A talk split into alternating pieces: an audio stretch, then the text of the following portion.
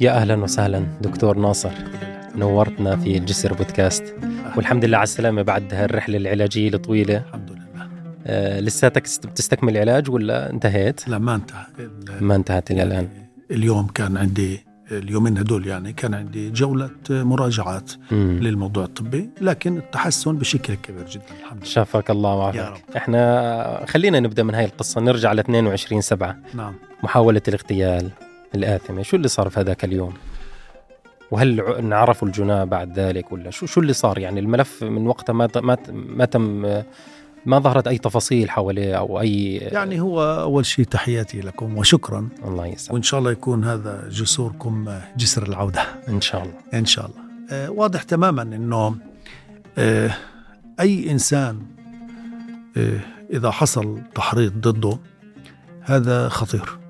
ويجب عدم الصمت ويجب ملاحقة. أي إنسان يمارس التحريض لو مهما كان بسيط لأنه التحريض يؤدي إلى الاغتيال المعنوي. والتمهيد لما هو أخطر من ذلك. آه، ليس شرطا أنه اللي بيتكلم عليك آه، إنه نفسه اللي يمارس بعد ذلك العدوان عليك يعني لكن هو بيكون فتح الباب وهيئ البيئة والجو. آه، حصل تحريض كبير بعد أحداث جامعة النجاح وحتى قبلها بقليل. إحنا كان عندنا إشكالات بين الطلبة والجام والإدارات وخاصة أحيانا في بعض المؤسسات مع الأمن الذي يعمل فيها لأنه الطالب بده يشعر أنه يعيش باحترام بكرامته آه، وإنه له حقوقه، الجامعات للأمانة هي أيضا تريد أن توفر الاستقرار. ولا تريد أن يكون هناك أي إشكالات خاصة مع الاحتلال. آه، الطالب يريد أن يمارس نشاطاته السياسية والثقافية لأنه هو آه، يقول لك أنا لست في مدرسة إنما عندي نشاطات والجامعات ليست قائمة فقط على التلقين إنما صحيح. آه، في حياة آه، سياسية ونحن في فلسطين كوننا نعيش تحت احتلال الجامعات عليها مسؤولية كبيرة جدا. المطلوب اليوم عملية توفيق بين الغرضين وبين المهمتين صحيح. آه، أحيانا بعض الجامعات تذهب بعيدا يعني بحرمان الطلاب من ممارسة نشاطاتهم الوطنية تحت خوفهم من إجراءات الاحتلال بحق هذه الجامعات. أنا أقول أنه لا إحنا لا نريد إسراف هنا ولا نريد أيضا قطيعة الطلبة من نشاطاتهم. المفروض أنه نعمل بالانس آه، تعادل في في المسألة بحيث أنه أنا أريد أن أخرج إنسان وطني أولا وأريد أن أخرج إنسان أكاديمي أيضا. يعني هي هي قد تكون اولا هو الإنسان الأكاديمي لكن أنا أريد إنسان أكاديمي منتمي. صحيح. فكرة اللامنتمي آه، فكرة خطيرة. العالم اليوم آه، أو منذ عقود الأخيرة. آه، أصبحنا نعاني من مشكلة الإنسان اللامنتمي. آه، ونحن بخصوص قضيتنا من أخطر القضايا هي الإنسان اللامنتمي. صحيح. لأنه إحنا طب شو بضر يعني خطاب زي هيك؟ خطاب زي اللي أنت تفضلت فيه. هذا شو بضر ناس زي يعني ناس ما بنعرف بيجوا بطخوا عليك وبحاولوا شوف هو اللي صار إنه آه حتى يعني خطاب زي هيك شو بضرهم؟ حتى ندخل بتفاصيل أكثر إنه آه حصل إشكال في بين الطلبة وبين الجامعة تبعتهم طلب مني أن أتدخل من أجل تسوية الأمر. آه تم تشكيل مجموعة من الناس الحريصين على الجامعة وأنا كنت أحدهم. آه وتم الاتفاق واجتمعنا مع الطلاب وتم الاتفاق على كل شيء بحيث إنه مجلس إدارة الجامعة ومجلس الأمناء ينظر بهذه المطالب ويأخذها بعين الاعتبار وبناء على ذلك الطلبة وافقوا آه، على أساس تعليق إضراباتهم ويعطوا فرصة للجامعة حصل الاتفاق وهذا شيء جميل جدا لكن. بعد دقائق حصل اعتداء على الطلاب مقاطع الفيديو اللي شفناها أي نعم واللقطات تم بثها في العالم جميعه صح. أنا لما شفت ال- الاعتداء على الطلاب أنا يعني شوف سهل على الإنسان أن يكون غائب عن مشهد. أما إذا حضر مشهد لا يستطيع أن يهرب من قيامه بالالتزام ال- اللي يملي عليه نفسه قررت. الاشتباك. لا أنا لا أهرب. أنا لا أهرب. نعم. لا من من الواجب ولا أهرب من المسؤولية. مم. إذا كنت غير حاضر ماشي. أما إذا كنت موجود لا أستطيع. أنا عندما أشاهد طالب يضرب أنا هذا الطالب هو ابني وهذا الطالب هو مستقبل الشعب الفلسطيني وأنا هذا كلامي واضح وكتبته أنه لا يمكن على الإطلاق أن نفرط لا بمؤسساتنا كمان لا يمكن أن نفرط بمستقبلنا اللي هو الأجيال اللي هي الطلاب. نعم. وبالتالي أنا كان عندي يعني امتعاض شديد وحاولت أن أوقف هذا المهزلة وهذا العدوان والعالم كله شافت ال- صحيح. طبعا الآن بناء على ذلك تم تشكيل لجان لجنة للتحقيق من اعلى المستويات في الجامعة من مجلس الأمناء. وأحضروا جميع الكاسيتات والأشرطة والتسجيلات والفيديوهات وعرف من هو المعتدي على الطلاب. وحتى على أستاذهم. آه، وفي النهاية تم معاقبة عدد منهم. يبدو إنه هذا لم يعجب بعض الناس. اللي تم معاقبته آه، أو من يعني على أي حال هذه هذه قد تكون على كل قد تكون إنها عملية أو محاولة الاغتيال مرتبطة بهذا الحدث. إنه دكتور ناصر يعني هو شخص يعني آه، ليس كآخرين كثيرين يمكن أن يقفوا بال- بالهامش الطريق إنما هو يعني آه، يتدخل. بالتالي إحنا ما ليش لماذا يتدخل؟ يعني إحنا لا نريد أحد أن يتدخل وهذا مم. كلام بعيد يعني مم. غير مقبول عندنا إحنا طبعا بفلسطين غير مقبول. إحنا بصير حادث سي... سير بين سيارتين بتصير الأزمة أنه كل الناس تريد أن ترى ما الذي يحدث. ف... فلا تتوقع أنت أنه واحد زي ناصر الشاعر أنه أنه يجب أن يقف على جانب الطريق وهو يرى أن الطلاب يضربون أو حتى أن أستاذ يضرب أو حتى أن إدارة يعتدى عليها أو حتى جامعة تغلق. هذا كلام أنا في يوم من الأيام في إحدى الجامعات تم إغلاق الجامعة من قبل بعض الكتل الطلابية آه، جامعة من الجامعات الوطن تم إغلاقها بالجنازير. أنا غضبت غضبا شديدا وما استطعت أن أتخيل أنا هذا المظهر من حق الطالب أن يضرب من حقه أن يعبر عن نفسه لكن أبدا هذا المظهر ليس مظهر لا حضاري ولا وطني. نعم. وأنا يعني آه، تكلمت مع آه، الطلاب في تلك الجامعة ودخلت يعني شخصيات وطنية كبيرة جدا من أجل حل هذا الإشكال. حصلت إشكالات في جامعات أخرى أيضا كما قلت في أكثر من جامعة حصلت إشكالات مع المعلمين وأيضا والسلطة وحصل إضرابات معينة تدخلنا لحل هذه الإشكالات. حصلت إشكالات في جامعة بيرزيت تدخلنا. لست أنا وحدي طبعا إنما نحن مجموعة من الشخصيات والهيئات. والهيئة المستقلة لحقوق الإنسان مؤسسة الحق رؤساء كتل ومجالس طلبة سابقين كلنا تدخلنا لأنه لأنه لا نستطيع أن يعني نسكت على استمرار الفوضى في البلد لا نعم. نستطيع نحن آه، أريد أن أقول كلمة مم. هذا البلد بلدنا. ولا يمكن لا نرحل ولا نسمح لأحد بالرحيل من هذا الوطن مم. إذا كنت تريد آه، الرباط وثبات الناس في الأرض ليس بخطبة جمعة خطبة الجمعة جميلة. لكن ثبات الناس على الأرض أنت تريد أن توفر لهم الأمن والأمان والاستقرار. والتعليم والجامعة والمدرسة. والصحة والأمن والشارع النظيف والمواصلات المأمنة والوظيفة والعمل آه، والتعليم والأخلاق والاحترام المتبادل كل هذا أنت تريد أن توفره لا أقول توفره مئة بالمئة ولكن تسعى للأفضل دائما ولذلك ولذلك نحن كأشخاص وطنيين أنا و- ولست وحيدا آه، يعني ليسوا بالمئات بل بالآلاف إذا لم يكن آه، جي- أجيال كاملة. آه، تريد هذا آه، المطلوب فقط من يعلق الجرس وسيجد آه، معه ناس كثيرين يسبقونه إلى نفس المجال للحفاظ على المؤسسات ال- الوطنية الموجودة في البلد وللحفاظ على أيضا آه، ناسنا وأهلنا وشعبنا ولتأمين استقرارهم وثباتهم في في الأرض ومنع الاحتلال. أي إنسان يعتدي عليهم ويستغل آه، صلاحياته أو آه، آه، باتجاه غير غير صحيح هو تعسف تعسف باستخدام الحق تبعه أو. الوظيفة تبعته المفروض إحنا لا نسمح بهذا ويجب أن تكون كلمتنا واضحة طيب. وصريحة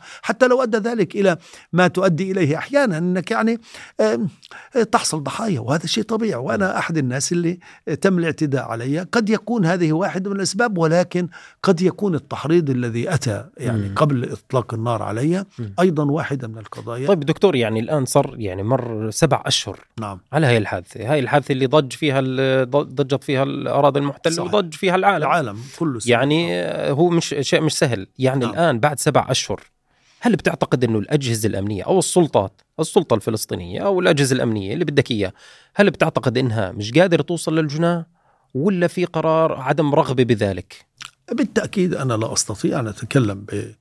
يعني أقصد لأنه في كلام صار إنه الجناة معروفين يا عمي جميل. وفي كاميرات وثقت هذا الشيء جميل جميل مم. جميل لا تتوقع مني أني يعني أكون منفتح بشكل كبير جدا على معلومات مم. وأشياء تدور حول هذه القضية ولكن مم. بإمكاني أن أكون صادق في منتهى الأمانة آه نعم يوجد تقصير آه آه يوجد عدم متابعة آه أنا اجتمعت مع مسؤولين بدءا من السيد الرئيس وزير الداخلية المخابرات الوقاية ما, في أحد يخطر ببالك آه، المباحث الجميع. ومن أجل تحريك الملف مرة ثانية والكل يقول أنه باعتراف الجميع أنه يوجد تقصير. وأنا لا يمكن أنا أنا كشخص شخصيا يعني ليس فقط دفاع عن نفسي إنما حتى لا تتكرر مع غيري. يعني البعض يقول إذا كان دكتور ناصر اللي هو معروف وحدوي و... التي نعم. يقوم بها للحفاظ على البلد والمؤسسة والوحدة والوئام. ولم يز... ما أذكر ما أذكر إني في يوم من الأيام صدر عني لا فعل ولا قول يعني آه، للأسف يسيء لأحد. آه، إن أو أو أتأسف عليه. يعني إنما كلها أمور وحدوية. وبالتالي إذا كان هذا يطلق على النار فماذا نقول آه، يكون الآخرون؟ ولذلك صحيح. ولذلك خطير لأجل خطير نفسي جدا. ولأجل الآخرين أنا لن أقبل أن تسجل ضد مجهول باختصار. نعم. وسوف أبقى أتابعها حتى يأتي الجنى أنا لا أريد أن آخذ الأمر بيدي على الإطلاق. ولا يمكن لأنه أنا لست عصابة ولست طرف بعصابه نعم. ولن أعمل مع عصابة. أنا لا أعمل بهذه الطريقة. أنا أمامي قانون. أنا أعرف إنه البعض يعني قد يضحك ويفتح فمه إلى الأذنين على القانون إنه أي قانون أنت تتكلم عنه حتى رغم كل الذي تقولون أنا ليس أمامي إلا طريق واحد هو استغلال استخدام القضاء والقانون والإتيان بالجنى إلى ساحة المحكمة ولتحكم بحقهم المحكمة. دع المحكمة تبرئهم. ما عندي طيب. أي مانع على الإطلاق. قد يأخذ هذا وقت قد يأخذ وقت.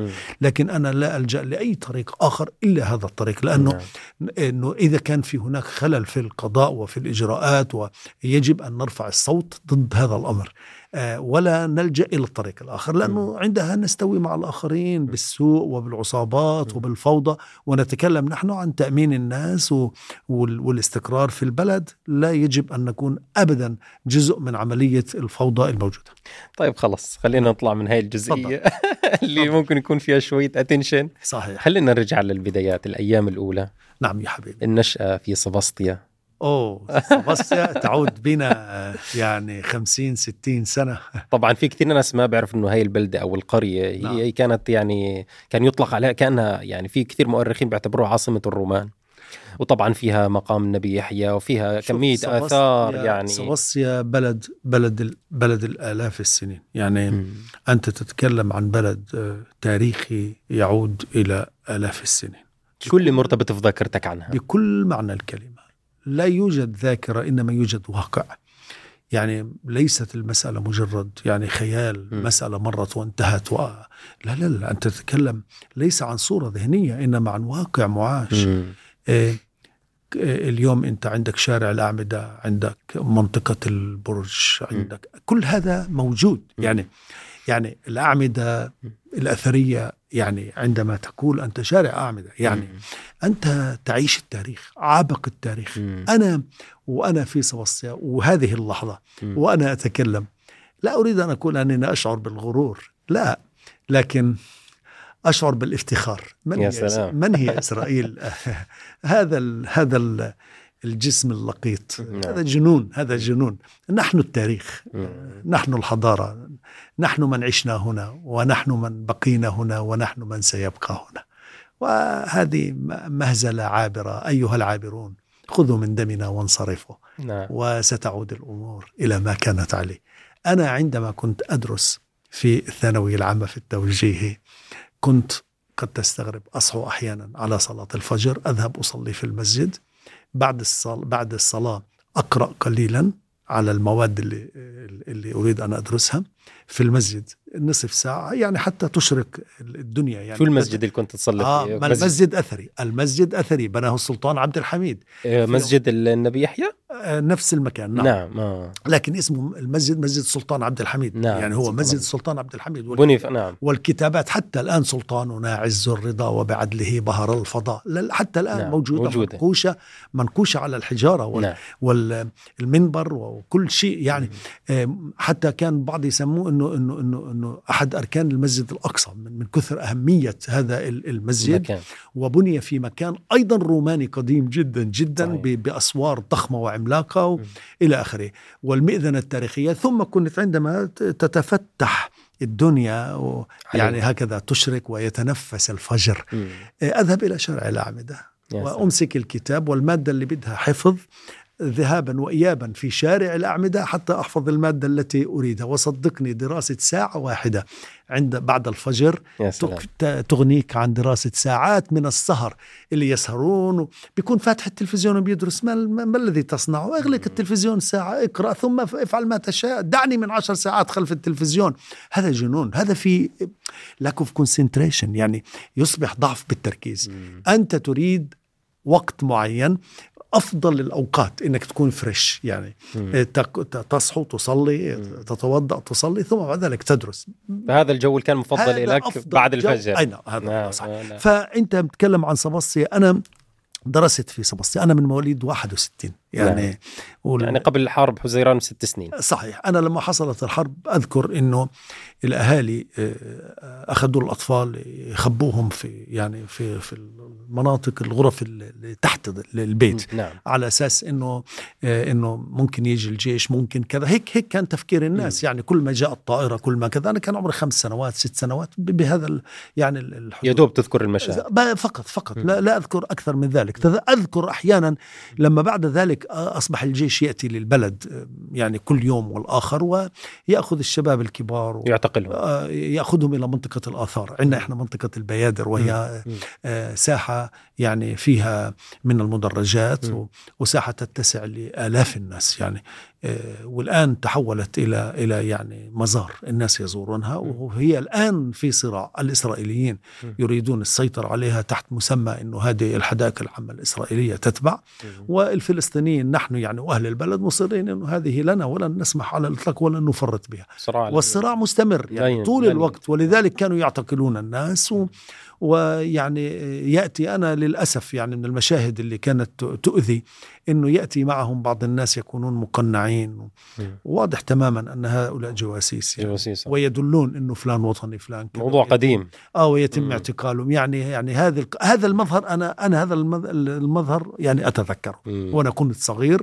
يعني أتذكر هذا المشهد أتذكر أيضا إنه بعد فترة لما كانوا يريدون الإسرائيليين أن يخرجوا دفعة من الضباط الإسرائيليين كانوا يأتون ويغلقون المنطقة الأثرية عندنا مدرج ويعملون احتفال في المدرج الروماني آه، لتخريج الضباط. وأذكر في يوم من الأيام حتى جولدا مائير كانت رئيسة وزراء إسرائيل. زارت جاء- آه المنطقة طبعا ليس فقط إنما لتخريج الضباط. هذا الصراع هائل. هذه منطقة أثرية وهناك صراع هائل أنه إسرائيل تريد هذه المنطقة. ولذلك وليس فقط هنا وأيضا في الخليل. وفي أي مكان وفي نابلس وفي في في أي مكان له بعد تاريخي يأتون إلى المنطقة على سبيل المثال. في المنطقة العليا يكتبون لك أنه شارع روماني. طيب طيب. في تحته تحته في أبنية وما كان كتب لك جدار إسرائيلي. يعني هو يريد أن يقول لك أني أنا الأصل. الم... يعني في كل حاجة يريد أن يكون لك أنا الأصل. وثم لما كان ال- ال- ال- المواكب السياحية عندما تأتي من جميع أنحاء العالم أنا يعني أتذكر عشرات الباصات يأتون يوميا إذا لم يكن يعني أنا أتكلم إذا عن المئات يأتون من جميع أنحاء العالم لزيارة القرية عندنا المنطقة الأثرية. يمنعون أي مرشد سياحي إلا أن يكون إما, إما إسرائيلي أو متخرج بشهادة من عندهم معه نعم. لكي يقول نفس المعلومات التي يريدونها. فهذا ال هذا ال هذا ال الوضع اللي كان في في تلك المرحلة. يعني أنت لا تستطيع أن تتكلم عن منطقة إلا وتتكلم عن الاحتلال وتأثيراته.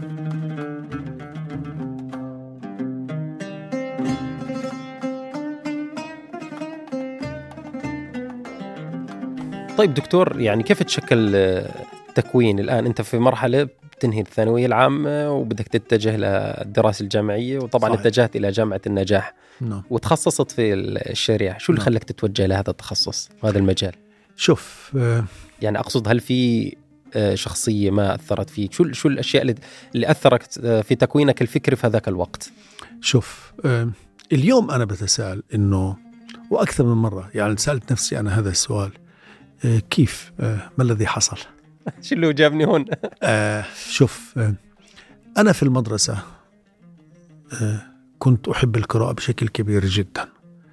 واللي كان يميز بهذيك الفترة أن القراءة المتنوعة مم. كانت قراءتي اللي هي المطالعة يعني. أي نعم. كانت قراءاتي ومطالعاتي انسى الكتب المنهجية. أنا ما يعني ما كان عندي أي تردد الحمد لله ولا مرة إلا كنت الأول أو الثاني أو الثالث في الصف. خلاص يعني هاي ال... لكن بحكي أنا عن المطالعة اللامنهجية. قد تستغرب إنه مثلا كتاب مثل أصل الأنواع أول ما أطلع عليه وأنا طالب مدرسة وأقرأ فيه الكتب وأج- التراثيه التأسيسية؟ ليه؟ أصل الأنواع داروين. يعني نعم. أنت إيش ده يعني يعني معقول ما طلاب جامعات واساتذه ما بيعرف شو عن إيش تتكلم؟ طب ما الذي ما الذي بعثك؟ ما, ما الذي جعلك تقرأ لأصل أنواع داروين؟ طب ما الذي جعلك مصطفى محمود؟ يعني ما الذي دفعك تقرأ لمصطفى محمود؟ يعني حوار مع صديقي الملحد. رأيت الله. نعم. تفسير عصري للقرآن. يعني طيب. هاي الأشياء اللي دفعتك لهيك تخصص معقول؟ يعني أنا على سبيل المثال من الأشياء اللي لفتت نظري بتلك الفترة كتابات آه، كتابات على سبيل المثال الشاعر وكتابات كذا والفضيلة لمنفلوطي ما الذي بعثك لمنفلوطي هذا منفلوطي أحيانا كان يترجم يترجم كتب عالمية و- يعني وترجمة طب أنا كنت أقرأ للغزالي. طب ما الذي يدفع الغزالي؟ طب تأثرت في كتابات الغزالي. أكثر الناس الذين تأثرت بهم في حياتي مصطفى محمود نعم. ثم الغزالي ثم دخل على الخط شخصيتين سيد قطب في ظلال القرآن والقرضاوي في كتاباته. رحمه الله. ها الله يرحم الجميع. لأنه هدول الناس أثروا علي كثيرا. زائد كنت أقرأ كثيرا قبل هذه كل القصص البوليسية. عجيب. أي نعم في المدرسة كانوا يأتون كانوا يأتون بالمدرسة. إحنا في قرية ما عندنا كثير من الكتب والى آخره كانت التربية والتعليم كل بداية شهر تأتي بمجموعة من الكتب من التربية والتعليم تقعد لمدة شهر الشهر اللي بعده تستبدل ترسل لمدرسة أخرى ويأتون ب. فأنا كنت حريص أنه لا يتم استبدال هذه القصص وهذه الكتب حتى أكون قرأت أكبر قدر ممكن من هذه الكتب لأني بعرف أنه مدتها شهر. فأنا لازم أقرأ أكبر قدر ممكن من هذه الكتابات. وهذا الكلام اللي اليوم بخليني أنا أناشد أناشد جميع أولياء الأمور وحتى المدرسين. لا تضيع وقتك في الكتاب المنهج المقرر نعم. الكتاب المنهج المقرر مجرد مفاتيح. شجع الطالب على القراءة وهو سيبني شخصيته. والمطالعة. طيب دكتور أنت ذكرت من ضمن الناس اللي نعم. أو الشخصيات اللي فكرها أثرت فيك وفي تكوينك. وفكرك سيد قطب. بس ما بتحس إنه يعني اللي بيطلع على الدكتور ناصر يعني فكرك واحدة وهيك هو طبعا سيد قطب يتجه إلى المفاصله وكذا. ما بتحس إنه بعيد شوي عن فكرك ولا كيف؟ كيف تأثرت فيه يعني؟ شوف ولا مرة بحياتي فهمت البعد السلبي اللي بيتكلموا عنه الناس لسيد قطب. مهم. أنا أنصح أي شخص يقرأ الظلال. دعني من الناس المرضى اللي يبحث عن يبحث عن ظاهرة مرضية هو يريد أن يتمسك بها وينفخ بها كالبالون حتى تفك تنفجر تنفجر في رأسه. آه، هل أحد جرب يقرأ الرسا- رسالة له أفراح الروح؟ هل أحد جرب رسالة صغيرة جدا؟ أفراح الروح. عندما يقول لك أن الخير مكمون في كل الناس الخير موجود في كل الناس حتى في الذين تظنهم أشرارا. شوف سيد قطب حكى عن العزلة النفسية و-. والاستعلاء على الباطل. ابدا ما تكلم عن الاستيلاء عن المجتمع. لا شخصيته لا طبيعته. هو أصلا ليس لبقا بالخطابات. على الإطلاق هو كاتب أكثر منه خطيب. هو إنسان أديب. هو, هو لو أديب بالأساس هو شاعر، أديب نعم. هو شاعر هو نعم. ناقد آه، هو ناقد، له صحيح. كتاباته. الناس للأسف الناس للأسف هي التي شوف أنت يمكن أن تذهب إلى دولة عندما تعود ما الذي شاهدته سينمات وخمارات. مم. تسأل شخص آخر والله رحت في ملان كنائس ملان مساجد يا أخي. هو روح كتب هو هو هو, هو راح لا لا هو كل واحد رأى ما الذي يريد. في البلد. يعني هو إسقاطات أحيانا نعم. أنت تسقط على الرجل. أنا تقديري أه، تأثري بسيد قطب ربما تأخر أكثر فكنت ذهنيتي قد تفتحت أكثر. نعم. و- و- ولما أنت تضع آه، هذا الكتاب في ظلال القرآن مع الكتابات الأخرى مثل كتابات الغزالي والقرضاوي أن الغزالي يصنع- شوية بلاء. الغزالي يصنع منك ثورة إنسانية. نعم. أنا لما أقرأ الغزالي حقوق الإنسان في الإسلام والميثاق الأمم المتحدة ويثبت لك أن ما جاء بميثاق الأمم المتحدة من حقوق للإنسان الإسلام يثبتها ويكرسها عمليا. وهذا المفهوم الديني الصحيح. لا أستطيع أن أقول لأنه جاء به الغرب إذا هو أنا لا أريد هذه صناعة غربية. هذه العقلية اللي هي ترشد الأمور. لما جاء القرضاوي وعمل عملية الترشيد الصحوة بين آه. التطرف والترشيد. يعني أنا أشعر أنه فكرك صراحة أقرب للقرضاوي. هذا صح صحيح؟ آه هذا صح. يعني في تأثر كبير كان في القرضاوي. بشكل هائل. شوف طبعا هذه معلومة يمكن مش الكل بيعرفها أنه أنت نعم. عضو في الاتحاد العالمي للعلماء المسلمين صحيح. هذا صحيح, صحيح. وما زلت أي نعم, نعم هذا صحيح. آه شوف آه القرضاوي ميزة القرضاوي أنك تتكلم عن قرن كامل من التجربة والعلم. وأنا أقول قرن يعني قرن لأنه عاش 97 سنة. نعم. هو حفظ القرآن منذ باكورة عمره 11 12 سنة كان حفظ القرآن. يعني أنت لو يا أخي شيل 10 سنين من عمره. أنت تتكلم حوالي قرن من الزمن قرن من الزمن في العلم والتجربة. والقرضاوي أنا لاحظت على كتاباته أنه هو نفسه تطور. يعني أحيانا كان يحرم أشياء مع الأيام اكتشف أنه طب ليش أنا بحرمها؟ يعني في مرونة. جدا وفي تغيير. أنا أريد أن أقول شيء. أنا من العلماء الذين تأثرت فيهم كثيرا آه، المذاهب الأربعة آه، الإمام الشافعي وأبو حنيفة النعمان. أبو حنيفة النعمان بعقليته المنفتحة القياسية التعليلية النقدية والشافعي بعقليته التغييرية. لدرجة أن الشافعي له يقولون مذهبان المذهب القديم والمذهب الجديد. يا سلام. وهذه تهمة غير جيدة. ليه؟ م. لأنه هو له مذهب واحد. هو تغير عن القديم إلى الجديد. ولذلك عندما بقي في مصر سنوات ثلاث إلى أربع سنوات ثم مات. يعني هو هو كان في مكة ثم إلى المدينة عند الإمام مالك. لما خرج من الإمام مالك لم يتفق معه في بعض الأمور. ثم جاء لبغداد. عاش مع الحنا الحنفية والى آخره فلم يتفق معهم حول الأمور. ثم ذهب إلى مكة واستقر فترة وعمل له مجلس علم. ثم بعد ذلك قرر أن يذهب إلى مصر. يريد أن يبعد عن كل هذه التوترات وجلس مع نفسه. وكل الكتابات التي كان يكتبها أعاد دراستها. أي موضوع يحتاج إلى تعديل يكتب صفحة بداله يمزع الصفحة القديمة ويضع الصفحة الجديدة ويمزق الصفحة القديمة بمعنى لم يبقى له مذهب قديم. ولذلك هو متغير. ولذلك أنا على سبيل المثال في العام الماضي نشرت بحث عن المذهب الشافعي وأصول الاجتهاد عند المذهب الشافعي وقدرتها على تطوير الاجتهاد المعاصر لأنه إذا إمام المذهب كان القدرة على التطوير هو ذاته هو ذاته طور.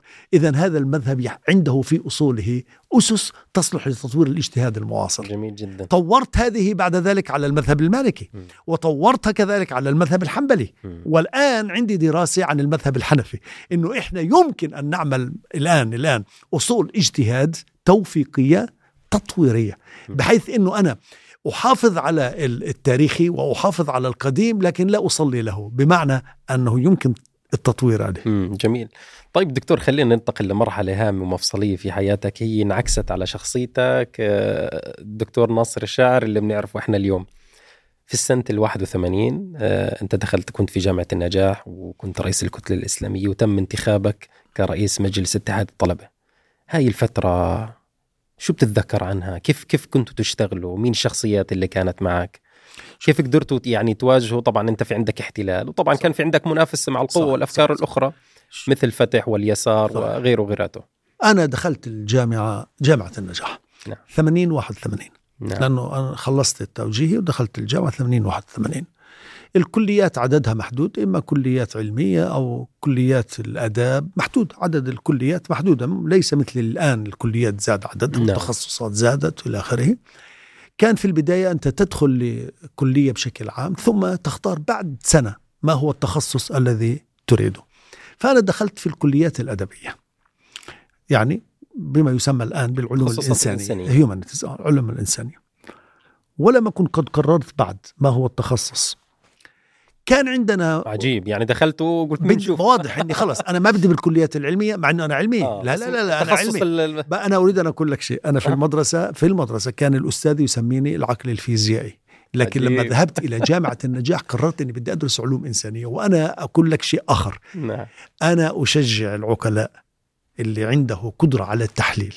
ليس الجميع لكن أشجع أن يكون هناك من الناس اللي عندهم مستوى من التحليل وليس فقط الحفظ. أن يذهب للعلوم الإنسانية. مقتل العلوم الإنسانية عندنا الآن بالحفاظ وليس بالمبدعين والنقاد آه، آه، الذي يدخل لهذه التخصصات كأنها أصبح عند الناس المسألة مسألة معدل. لا مش معدل المسألة مسألة اختيار. المنهاج اللي كنت قبل شوي تتكلم عنه اللي هو يعني الكتاب الجامعي الناس هذا كلام طلاب يحطوا جواته وخلص يكتفي فيه. اليوم في علوم الاجتماع والاجتماع السياسي نعم. والشريعة وإلى آخره يجب أن يدخل لهذه التخ... والعلوم السياسية واللغة العربية. م. يجب أن يدخل إليها أفضل العقليات. يا سلام. عندها سوف ترى أن اللغة العربية من أروع اللغات وأسهلها وأسلسها وسيعود لها بهرجها. والعلوم الشرعية نفس الشيء وكذلك علم الاجتماع والفلسفة. كل هذا يجب أن يذهب له العباقرة. لا يذهب له أصحاب المعدلات المتدنية فقط لا غير لأنه هذا لن يستطيع مواكبة العقلية المطلوبة وما هو مطلوب لهذه التخصصات. على أي حال ما إلي علاقة؟ أنا دخلت علوم إنسانية.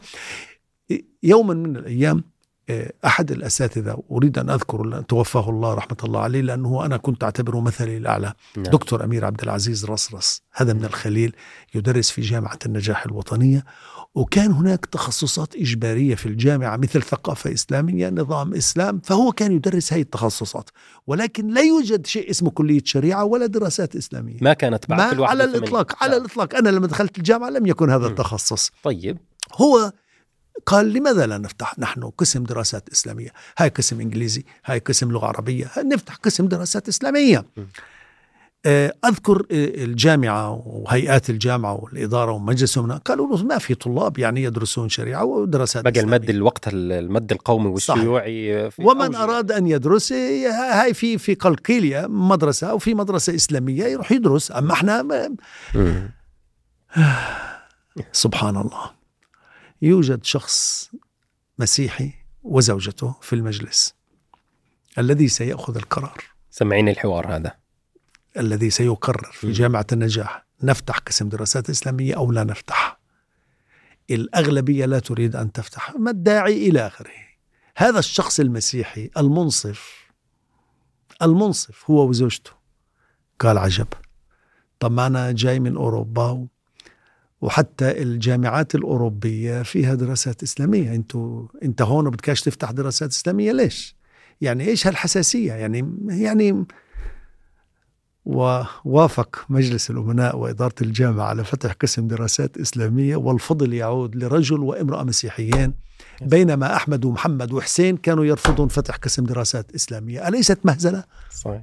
حتى نعلم حتى نعلم أن الخير موجود نعم. حتى حتى لو لم يكن مسلما والشر قد يكون موجود حتى لو كنت مسلما. وهذا كارثة هذه كارثة. على أي حال على أي حال. أنا ذهبت إلى جامعات في أوروبا. يعني عندي جامعة درم فيها قسم دراسات إسلامية. عندي يعني أكثر آه، جامعة ليز قسم دراسات آه، عربية. يعني أنت ما الذي تقوله؟ يعني أنت ما تريد أن تدرس دراسات إسلامية؟ على أي حال. فهذا الدكتور نعم. قال لي يا أخ ناصر لأن أنا كنت ناشط وفي مجلس الطلبة وكذا. طب ما رأيك مين في طلاب حابين يدرسوا دراسات إسلامية؟ لأنه الجامعة تكون الطلاب ما بدهم. قلت له والله لا أفحص لك ونشوف. قال طب سجلوا لي 10 15 اللي اللي نبدأ يعني. هذول ال 10 15 اللي بده يعملوا المجلس اتحاد الطلبه كمان شوي. اللي نبدأ بدراسات إسلامية يعني نبدأ بالقسم. لا عن جد والله نفتح قسم دراسات إسلامية. فأنا صرت ألف على هالطلاب الكل يستهجن والكل يستغرب. شو يعني دراسة؟ أنا بدي أدرس شريعة أنا كان رحت العدل درست في في في أي مكان بكلية شريعة في أي مكان. أنا لا أنا جاي أدرس إنجليزي أنا جاي أدرس linguistics أنا كل واحد بفكر هندسي أنا جاي نعم. أدرس مش عارف إيش. شخص ما قال لي طب أنت ماسك الورقة هذه؟ لساتها فاضيه والله والله ناسي مين قلت له آه صحيح. قال لي طب أنت إذا هالقد شايف إنه الأمر مهم وعلى الأقل ليش اسمك مش عليه؟ قلت له اعطيني القلم. كتبت اسمك مسكت القلم وكتبت ناصر الدين محمد الشاعر وحطيت رقم التسجيل تبعي وحطيت واحد. هون انت دخلت هذا المجال وتخصص. أنا بدي أسجل دراسات إسلامية. إحنا لازم عندي 10 ل 15 ل 20 ما ما بيفتح القسم. نعم. هلا لما أصحابي شافوا إني أنا سجلت شجعوا. اجى واحد تاني سجل من عصيرة. مم. أذكر من عصيرة اسمه ناصر حامد موسى. اجى واحد ثالث محمد شفيق سعادي برضه من عصيرة سجل. وهدول إحنا دير بالك معظمنا كنا في نفس الشعبة أخذنا بعض التخصصات في في اللغة الإنجليزية واحد في اللغة العربية اثنين إلى آخره. المهم اكتمل العدد وانفتح القسم وسجلنا دراسات طب إسلامية. حلو. ومن يومها وأنا أدرس دراسات إسلامية حتى أهلي لم يكونوا يعلموا إن أنا بدرس دراسات إسلامية. أنا يعني بعض الناس كان يفكر بدرس هندسة أو, أو مم. ما- ما كان أحد يعرف أنا إيش بدرس. المهم تم فتح القسم والحمد لله. بعد فترة آه، تطور بدل ما يكون بس قسم تطور إلى كلية لأنه فتحنا كمان قسم آخر وكمان فتحنا ماجستير بعدين فتحنا كمان دكتوراه وبعدين فتحنا كمان دكتوراه وبعدين فتحنا كمان ماجستير. الان أنت بتتكلم عن كلية من أقوى الكليات. طب شو قصة كل- اتحاد كل الطلبه؟ البرامج. اتحاد طلبي أنا لما دخلت الجامعة الجامعة تغص بال- بالنشاطات ال- الوطنية طبعا. وهي ساحة لأصحاب الكفاءة. يعني تفضل واثبت اثبت كفاءتك. طيب. أنا أول ما دخلت على الجامعة في آه، لوحة علمية يعني تكتب مقالات وتوضع على مجلة اللوحة. ثقافية. مجلة ثقافية. فأنا متعود أصلا في عندنا في المدرسة المجلة الثقافية وأنا كنت أكتب أنا اللي كنت أكتب عليها وأنا اللي حررها وأنا بخط إيدي اللي أكتبها. فأنا صرت أكتب مقالات وأحطها وناصر الشاعر. فالناس عرفوا ناصر الشاعر. شوية صار بده يصير زي ما تقول إيش يعني أم أم إلقاء شعر أو إلى آخره. أنا أحب الشعر مم. آه، ألقي شعر. شوية صار احتفال مولد نبوي. قلت له من عندي قصيدة بلقيها عن المولد النبوي ألقيت قصيدة عن المولد النبوي. بعدها جبتهم يعملوا احتفال قال شو رأيك أنت تدير احت- الاحتفال؟ أنا ندير يعني بهاي الطريقة فبدأت القضية. نعم. شوية بالفصل الثاني بدهم يعملوا الانتخابات. اتحاد الطلبة. أي نعم اتحاد الطلبة. م. فبتعرف هذول بيكونوا بيحضروا مسبقا.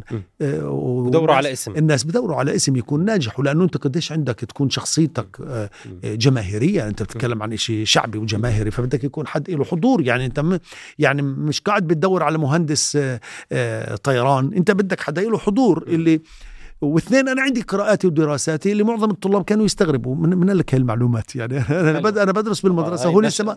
فبالتالي كل هذا الأمور يعني يعني اثنين أنا يعني أول اعتقال اعتقلته وأنا في المدرسة و نعم وبعدين لما جيت على الجامعة فنزلت في الانتخابات هلا أنا بالجهة الأخرى اللي اللي في الانتخابات؟ يا الله آه، قوى يعني عتاولة يعني يعني بعضهم كانوا لسه لهم حضورهم وقوه إيش إيش؟ يعني بعضهم بعضهم هذول ممثلين قتلوا وبعضهم سجين آه، سبع سنين وعشر سنين ومروح من السجن. أنا أنا بدي أواجه بين وحوش. أنا بدي هلأ اللي بصير إنه واحد كان زميلي وكان معي قال لي أنا كنت أشوفك تخطب. أقول كيف هذا بخطب؟ بعدين ذكرت أبويا. قلت له ماله أبوك؟ أبوه كان مدير مدرسة فبده ابنه يلقي كلمة الصباح. بخاف ال- الولد بخاف. بجبجب آه بخاف. الشاب. قال له أبوه قال له اسمع بدك تلقي خطاب كويس؟ قال له قال له اكتب الكلمة اللي بدك إياها كتبها صلح له إياها. قال له تمام قال له تمام. تدرب عليها تدرب عليها. قال له بكرة بتروح بتلقي الورقة. بدك تزبط الورقة معك 100% الكلمة؟ قال له قال له تخيل ولا واحد قدامك. إنه فيش قدامك حدا. مم. أنت مالكش علاقه انسى. اجنور ذم مالكش علاقه ولا بحاجة. اقرأ ورقتك وانزل. شوف اللي بده يصير بده يكون عنده الجرأة. وهنا دخلت واشتبكت بده يتجاهل كل شيء وانخرط. الآن اللي بده يخطط كيف بده يعوم عمره ما بيعوم. مم. اللي بده يخطط كيف بده يسبح عمره ما بيسبح. هلأ ممكن نساعده شوية بعض التقنيات ونقنعه. نقنعه ان هالمي ما هو بتغرقك. قراره ما هو قراره. بتغرقك وبعدين سيبه يغامر. إيه الآن إيه والله شوية طلعت النتائج. اكتسب بلاش الإسلام. ليش طلعت النتائج؟ اجى يوم المناظرة. اجى يوم المناظرة. كل كل كتلة بدها تقدم برنامجها ومعها أظن ما بعرف ربع ساعة أو 20 دقيقة ما بعرف قديش كان ناس 15 أو 20 دقيقة. ممنوع. مجرد عميد شؤون الطلبة آه، آه، قال لك وقف بتوقف بتفل الكهرباء عليك انتهى يعني. ف اجى دور هدول حكوا دور هدول اجى الدور علي أنا أحكي عملت أنا حاجتين. الحاجة الأولى لبست علم فلسطين. أوكي. لبست علم فلسطين. وهذا يعتبر بيعتبروه هم إنه هذه ضربة الموسم لأنه كل الدعاية بتطلع إنه هذول جايين ضد منظمة التحرير وضد سيد. برا وضد أبو عمار. يا عمي والله ما ضد أبو عمار والله ما ضد منظمة التحرير والله ما هو جسم غريب والله كلام كله كلام فاضي والله كله كلام فاضي. كنتم متوقعين إن هذا الفوز وهذا الاكتساح على الإطلاق على 81 أنت بتحكي يعني كانت لسه صحيح لسه في- على الإطلاق. في عندك حرب لبنان صحيح، والمنظمة في اوج على الإطلاق قوتها. ولا يمكن ولا يمكن ما أحد كان يتوقع. أخذتوها اكتساح. اثنين اثنين ما تنسى إنك بتتكلم عن عن قوة سياسية. سياسية يعني موجودة كل الوقت. لكن يا أخي واضح إن الناس كانت بتبحث عن تغيير انسى الموضوع خالص يعني بنقدر نقول وكانت الثورة الإيرانية بأواخر السبعينات صح. نجحت صارت في- في كانت تأثر تحركات إسلامي في إسلامية. في المنطقة في سوريا أفغانستان في الغزو. السوفيتي بلا بدأ يظهر أشياء جديدة على الساحة خلاص نعم. يعني الناس بدها تشوف يعني شيء جديد. شيء جديد طب ف- مين الشخصيات اللي كانت معك دكتور في هذا اللي على سبيل المثال يعني كان كنت أنا كان الناس قبل اللي كانوا في الجامعة نعم وما شاء الله عنهم وأنا جيت بعدهم مباشرة واستمريت معاهم استمريت معاهم مم. يعني أنا يعني واستمرينا سنتين ثلاثة بعدين هم تخرجوا بعدين أنا كملت ماجستير نعم. وبعدين أنا تخرجت واضح يعني مثلا رحمه الله الشيخ آه، أخونا وحبيبنا آه، جمال منصور نعم. نعم. عنان الكرمي آه، آه، أنت بتتكلم عن أعداد يعني هائلة من نعم. كل المدن ومن كل القرى آه، يعني أبرز كان- الأسماء أي نعم هاي يعني هاي أسماء نعم يعني يعني بجوز تستغرب إنه آه، وهي معلومة يعني آه، ما يكتب. بحكيهاش على الهواء دائما يعني يعني أنا متذكر إنه أنا كل كتبي اللي كنت أشتريها لما أكتب على الكتاب آه، إنه إن اشتريت أنا الكتاب بكتب اسمي. آه، أبو حفص جمال منصور كان يكتب أبو بكر فلان يكتب عجيب جد والله جد والله. ف وبعدين بدأنا ما كان في مكان آه، نصلي ما في على الإطلاق صلي بالكرادور يعني فيش مصلى ابدا مم. طب ليش أصلي على الكريدور ضلينا نت مع الجامعة على بين ما أخذنا غرفة إحنا مصلى. نصلي فيها. هلأ الحمد لله في مصلى. في مسجد و-. وفي كل شيء والحمد لله رب العالمين طيب هذاك الوقت تعرضتوا لتضييقات من الاحتلال كان في تدخل من الاحتلال طبعا لأنه كانش لسه في سلطة ولا كان في شيء هل في هذيك الفترة شوف بدأ هنا هون اجى الاعتقاد طبعا. يعني إحنا زي ما بنعرف إنه أصلا اصل يعني خلينا نحكي نشأة الفصائل والمنظمات هي بتكون أصلا مجالس طلبة صحيح. واتحادات طلبة. صحيح. ودائما معروف إنه الشريحة الذهبية للتغيير في المجتمعات هي شريحة الطلاب. ولأجل ذلك أنا مباشرة بعدها يعني أو خلالها يعني نعم. هذيك الفترة تم اعتقالي الاعتقال الثاني. يعني هذا بعد بعد ما صرت رئيس اتحاد طلبة. آه، طب دكتور يعني الثاني.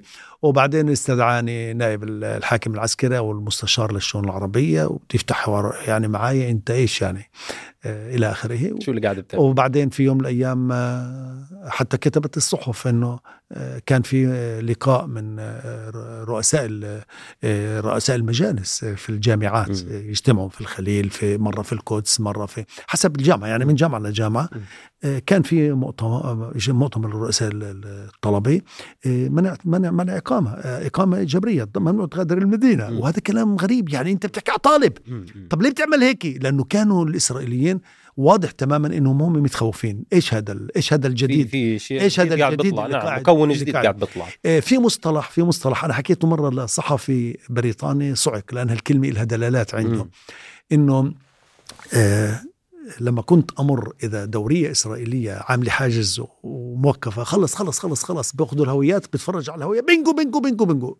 أنا ما كنت أعرف شو معناته بينجو إلا إنه كلمة مطلوب يعني يعني بينجو مطلوب أنا كنت أفكرها كلمة عبرية مم. وترجمتها معناتها مطلوب إلى آخره بتنزل من هي معنى ثاني بحطك بهالدوريه اللي هو بينجو يعني كانه كأنه لك صيدي يعني. جائزة آه لك. بالضبط. والله ما بعرف منين كانين يجيبوها فحكيتها له الصحفي البريطاني آه، يعني يضحك.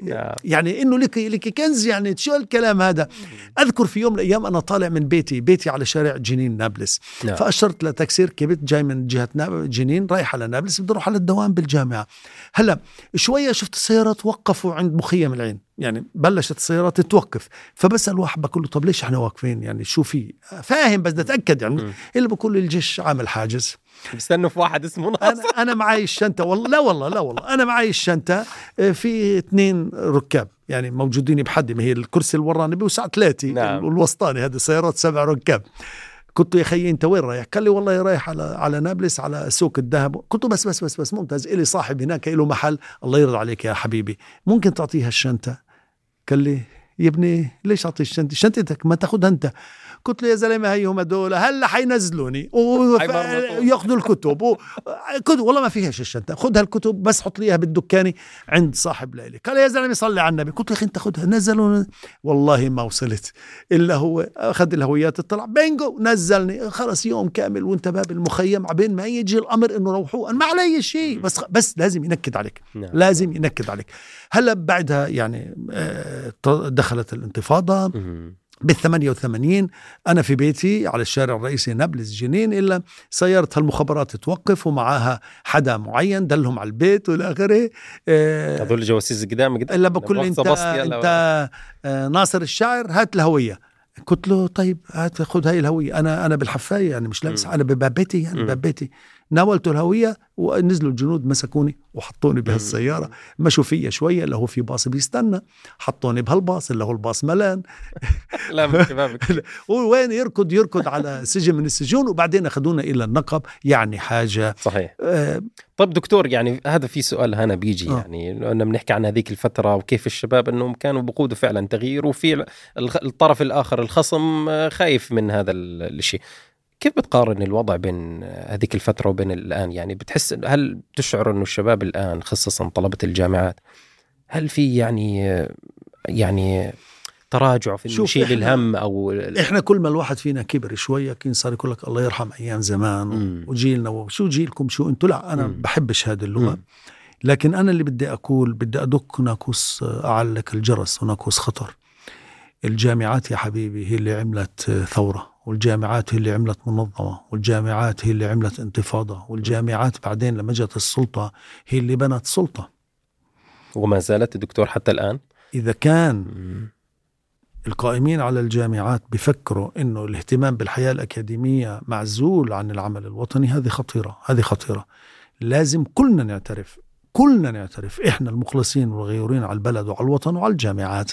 أن وظيفة الجامعات استمرار الحياة الوطنية والسياسية وهي التي تبني البلد وكل جيل بده يتخرج من الجامعات اللي بده يقودنا هو الجيل اللي تخرج من الجامعات الجامعات هي محاضن محاضن تنشئة بناء تغيير. الشخصية والتغيير نعم. ولذلك إذا بعض الناس بيفكر أنه لازم يفرغ الجامعات من العمل الوطني هذا عمل غير وطني. عيب. مش مناسب وإحنا مش لازم نقبل وإحنا كشرفاء على الإطلاق مش لازم نقبل.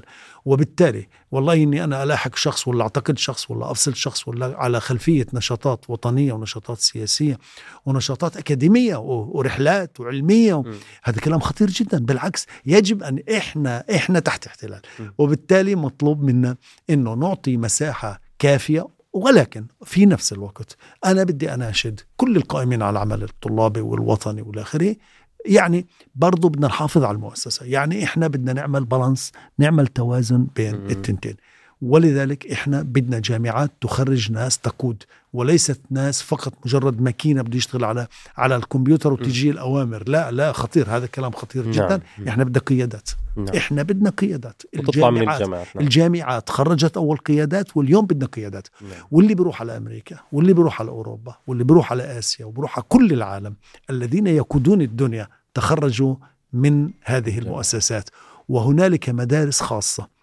لعلية الناس. أنا كنت في بريطانيا هناك مؤسسات وأكاديميات بالمدارس ثم بالجامعات خاصة تخرج ما بتشوف إلا صار برلماني وصار وزير وصار رئيس وصار كذا لأنه في تركيز هائل على هذا المحضن التعليمي إنه مش فقط كتاب مش فقط أنا بدي أعلمه آه، جدول ضرب لا بدي أعلمه أشياء تانية قيادة المجتمع. أنا أقول لك حاجة بالبلدي وبالكلام البسيط. نحن للأسف نخزن هنا في ذهن الطالب داتا ومعلومات لا تلزمه. المفروض إني أنا أخرج أخرج جيل. هذا الجيل يحمي البلد ويحمي الوطن مع العلوم والمعارف اللي هي بتكون لازمة له.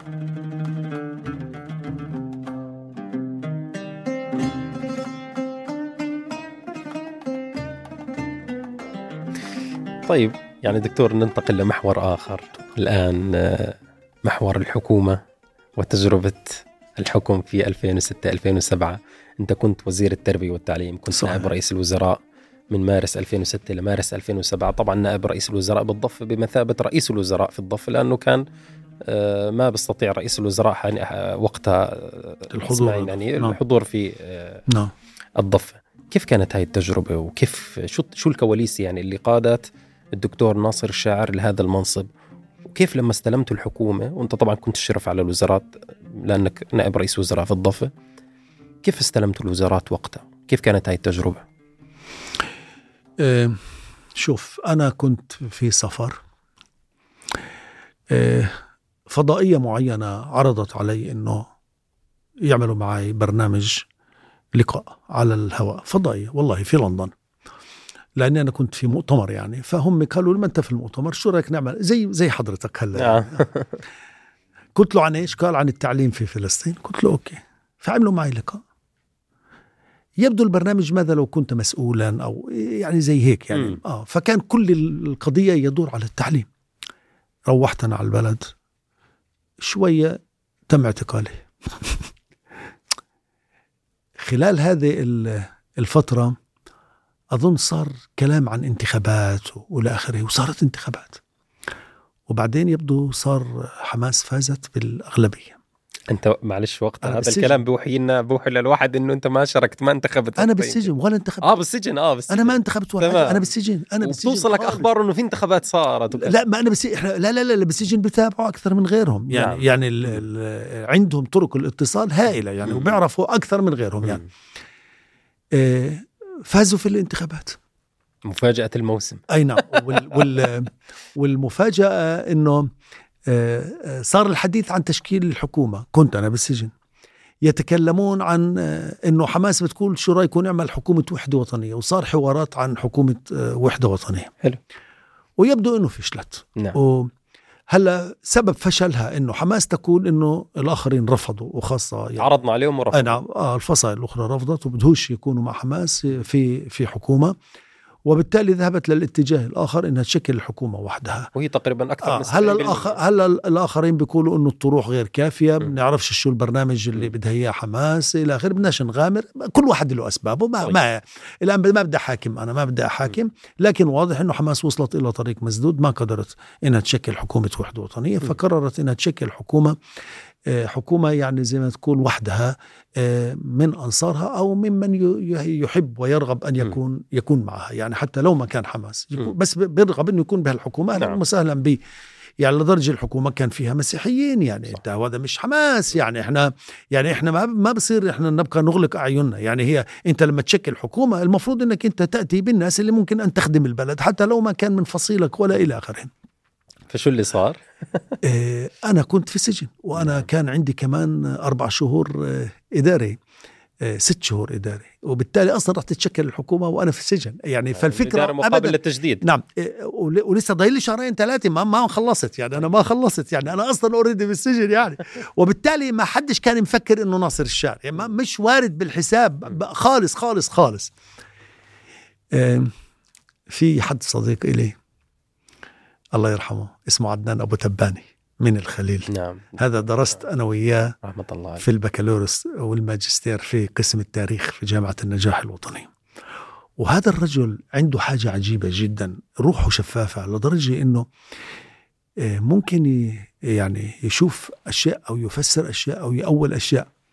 قال لي أنت مروح وحتصير في الحكومة. قلت له شوي شوي شوي شوي علي. الحكومة بتتشكل وأنا بالسجن. أنت شو اللي بتحكي فيه؟ قال لي أنت شوف أنا ما بعرف. أنا الله شو بيعمل ما بعرف. ما بعرف شو بصير. عنده بصيرة. المهم آه، شوية كان موعد استئناف. نعم. للحكم تبعي. نزلت على الاستئناف. أو كنت أظن أني أنا رافع استئناف للمحكمة العليا. ومحتج على إنه هذا غير قانوني وأنا ما عنديش ولا حاجة تعتقلوني عليه وعن جد ما عنديش. يعني يعني للامانه ما عندي ولا حاجة يعتقلوني عليها إنما هي فقط تخوفات وعلى التخوفات بحطوك إداري وانتهى الأمر. المحكمة العليا قررت إنه آه، إفراج الاكتفاء بالمدة ومش بس اكتفاء بالمدة لا لا لا اختصار شهرين بدل الستة أربعة. طب وما ده الأربعة يعني أنا الأسبوع الجاي بروح. أنا الأسبوع الجاي بروح. رجعت على القسم اللي هو عدنان أبو تباني. حكى لي قلت لك قلت له صلي على النبي صلي على النبي أنا مروح. روحت. بعد أسبوع أسبوعين قول اللي يتم الاتصال فيها مين كلمك؟ من مكتب الرئيس. قال لي نعم. قلت له أهلا وسهلا تفضل. قال لي أنا بحكي معك من آه، مكتب الرئيس. قلت له تفضل. قال لي آه، أنت من الأسماء اللي مطروحة في الحكومة. قلت له طيب. قال لي إذا أنت مستعد بدنا نعطيك المواعيد على أساس إنك أنت تيجي مشان آه، يوم الاستلام والتسليم والقسم والى اخره هيك ببساطة؟ ما هو بيكون في بينهم هم حوارات بين الرئيس وبين هنية وبين نعم. العالم نعم. والأحزاب وأنت مش داري في الطبخه أنا أنا طالع من السجن أنا طالع من السجن. حاجة مش معقولة خالص حاجة مش معقولة خالص. بجوز هذه الرواية بجوز تستغربها أنت. لكن طبعا بالتأكيد هو في ناس آخرين اتصلوا فيها يعني مش بس الر- مكتب الرئيس يعني. لكن هيك الإجراء هيك هيك, صار. التسلسل نعم. الزمني هيك التسلسل الزمني. طبعا مش ممكن الرئيس يجي لي تعال إلا لما إنه الاسم انحط أمامه على الطاولة إنه هاي صار الأسماء عليه توافق. آه هاي الأسماء اللي إحنا بدنا إياها. مم. وبعدها صارت الحكومة الثانية وكمان نفس الشيء يعني نفس الفكرة. كمان ال- الاسم تبعي آه، انطرح مرة ثانية عندك استعداد تكون في حكومة وحده وطنيه قلت له ما عنديش مانع بكون بحكومه وحده م. وطنيه بتتفضل عشان القسم مم. يوم يوم القسم وحضرت القسم بالتنتين م. هلأ إجراءات فنية وشكلية صغيرة نساليها مش وقته لكن ال- الآن أنا دخلت على الحكومة للأمانة يعني آه، كيف استلمت الوضع؟ الأمر الآن ما بنصح أحد يلجأ لهذه الطريقة.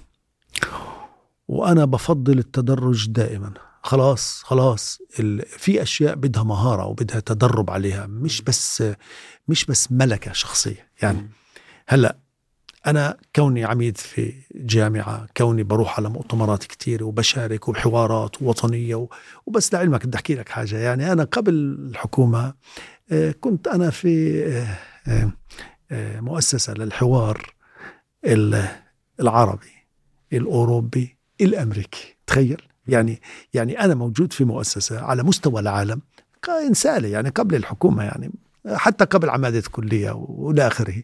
فبالتالي يعني أنا مش بقول لك اني بقدرش بس بحكي لك إنه مش كويس. والمفروض إنك تتدرج يعني يعني يا دكتور لو عرض عليك المنصب الآن كمان مرة مثلا هلا easy بس لو بنفس الظروف مش لازم أقبل. آه. أو بقبل بس المفروض أنا ما يطرحش علي. يعني مش إني ما أقبلش ما بجوز ما فيش حد ما بيقبلش بس مش لازم يطرح على حد إلا لما يكون أنت متأكد إنه up to هذا القرار الصح. up to يعني لازم أنت ما تحط حدا إلا لما تكون عارف إنه هذا هو. طب دكتور شو اللي بيخليك تحكي هذا الشخص. يعني شو لأنه شو الوضع اللي لقيت العمل العمل الحكومي عمل سياسي عمل دبلوماسي. مم. في بروتوكولات. مم. يعني من ال يعني يعني أذكر في يوم من الأيام وبده يجي حد ما بده يقابلني بجوز يكون ما ما بعرف وفد ياباني وفد كذا إلى آخره وبكل بساطة يعني أنت ممكن تكون تع- تعمل أشياء وإلى آخره مش بروتوكولية المفروض إنك أنت تكون ماخذ حاجات معينة وتتدرج بيها مم. على أساس إنها تكون على مستوى لائق لأنك أنت بدك تعكس بلدك بدك. تعكس وطنك بدك تعكس دولتك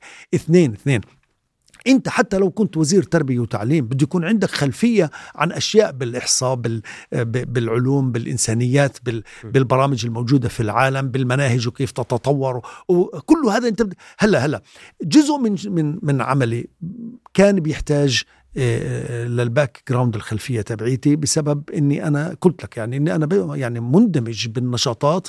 آه، مسبقا. فهذا ساعدني لكن أنا ما بنصح هذه الطريقة. طب هو بعيدا عن تجربتك الشخصية كيف شفت ال... انت طبعا عملت على إصلاح الوزارات نعم. وأكيد لقيت مشاكل كثير. شو المشاكل اللي واجهتها في البدايات شو التحديات؟ شوف. طبعا أنت عندك رئيس وزراء موجود في نعم. غزة وأنت نائب رئيس وزراء موجود في الضفة. كيف كان يتم أكبر التواصل تحدي بينكم لا لا مش هذا. أكبر تحدي الاحتلال مشان تكون الأمور واضحة. أكبر تحدي الاحتلال. ما كان في عراقيل داخلية الاحتلال في ال... أو أكبر تحدي الاحتلال. الاحتلال ما بده إياك تعمل ما بده إياك تنسق ما بده إياك تتوصل مع غزة. يعني هو فكرة ال- فصل غزة عن الضفة ليست جديدة وبعض الناس بفكر من يوم الانقسام. هذا معناته في حد ما ذهنه مش عارف حاجة. م- محاولات الانقسام من من أول يوم حتى قبل تكوين السلطة الفلسطينية. محاولات عزل غزة عن الضفة محاولات قديمة من قدم الانتداب البريطاني. ونحن للأسف نغذي هذه وهذا لازم نخاف منه كثير كثير. فالاحتلال بده يكرس شيء معين محاولة عزلك عن القدس. يعني أنا أنا يتم اعتقالي وملاحقتي وأنا وزير ثم بعد ذلك بده يحاكمني ليش على نشاطات في القدس؟ لأنه هو ما بده إياك تعمل شيء في القدس. طب أنا إلي مدارس بالقدس؟ هو ما بده إياك تمارس نشاط في القدس. طب أنا إلي مدارس بالقدس؟ واضح؟ فالعقبة الرئيسية هي الاحتلال. بس ما كان في عراقيل كمان من الطرف الآخر. لا في بس أنت ما تخ... ما مشان ما نهرب مشان ما نهرب من الحقيقة. مم. العقبة الرئيسية أمام أي واحد بده يعمل لوطنه هي الاحتلال. لأنه الاحتلال بده يخليك في دور وظيفي.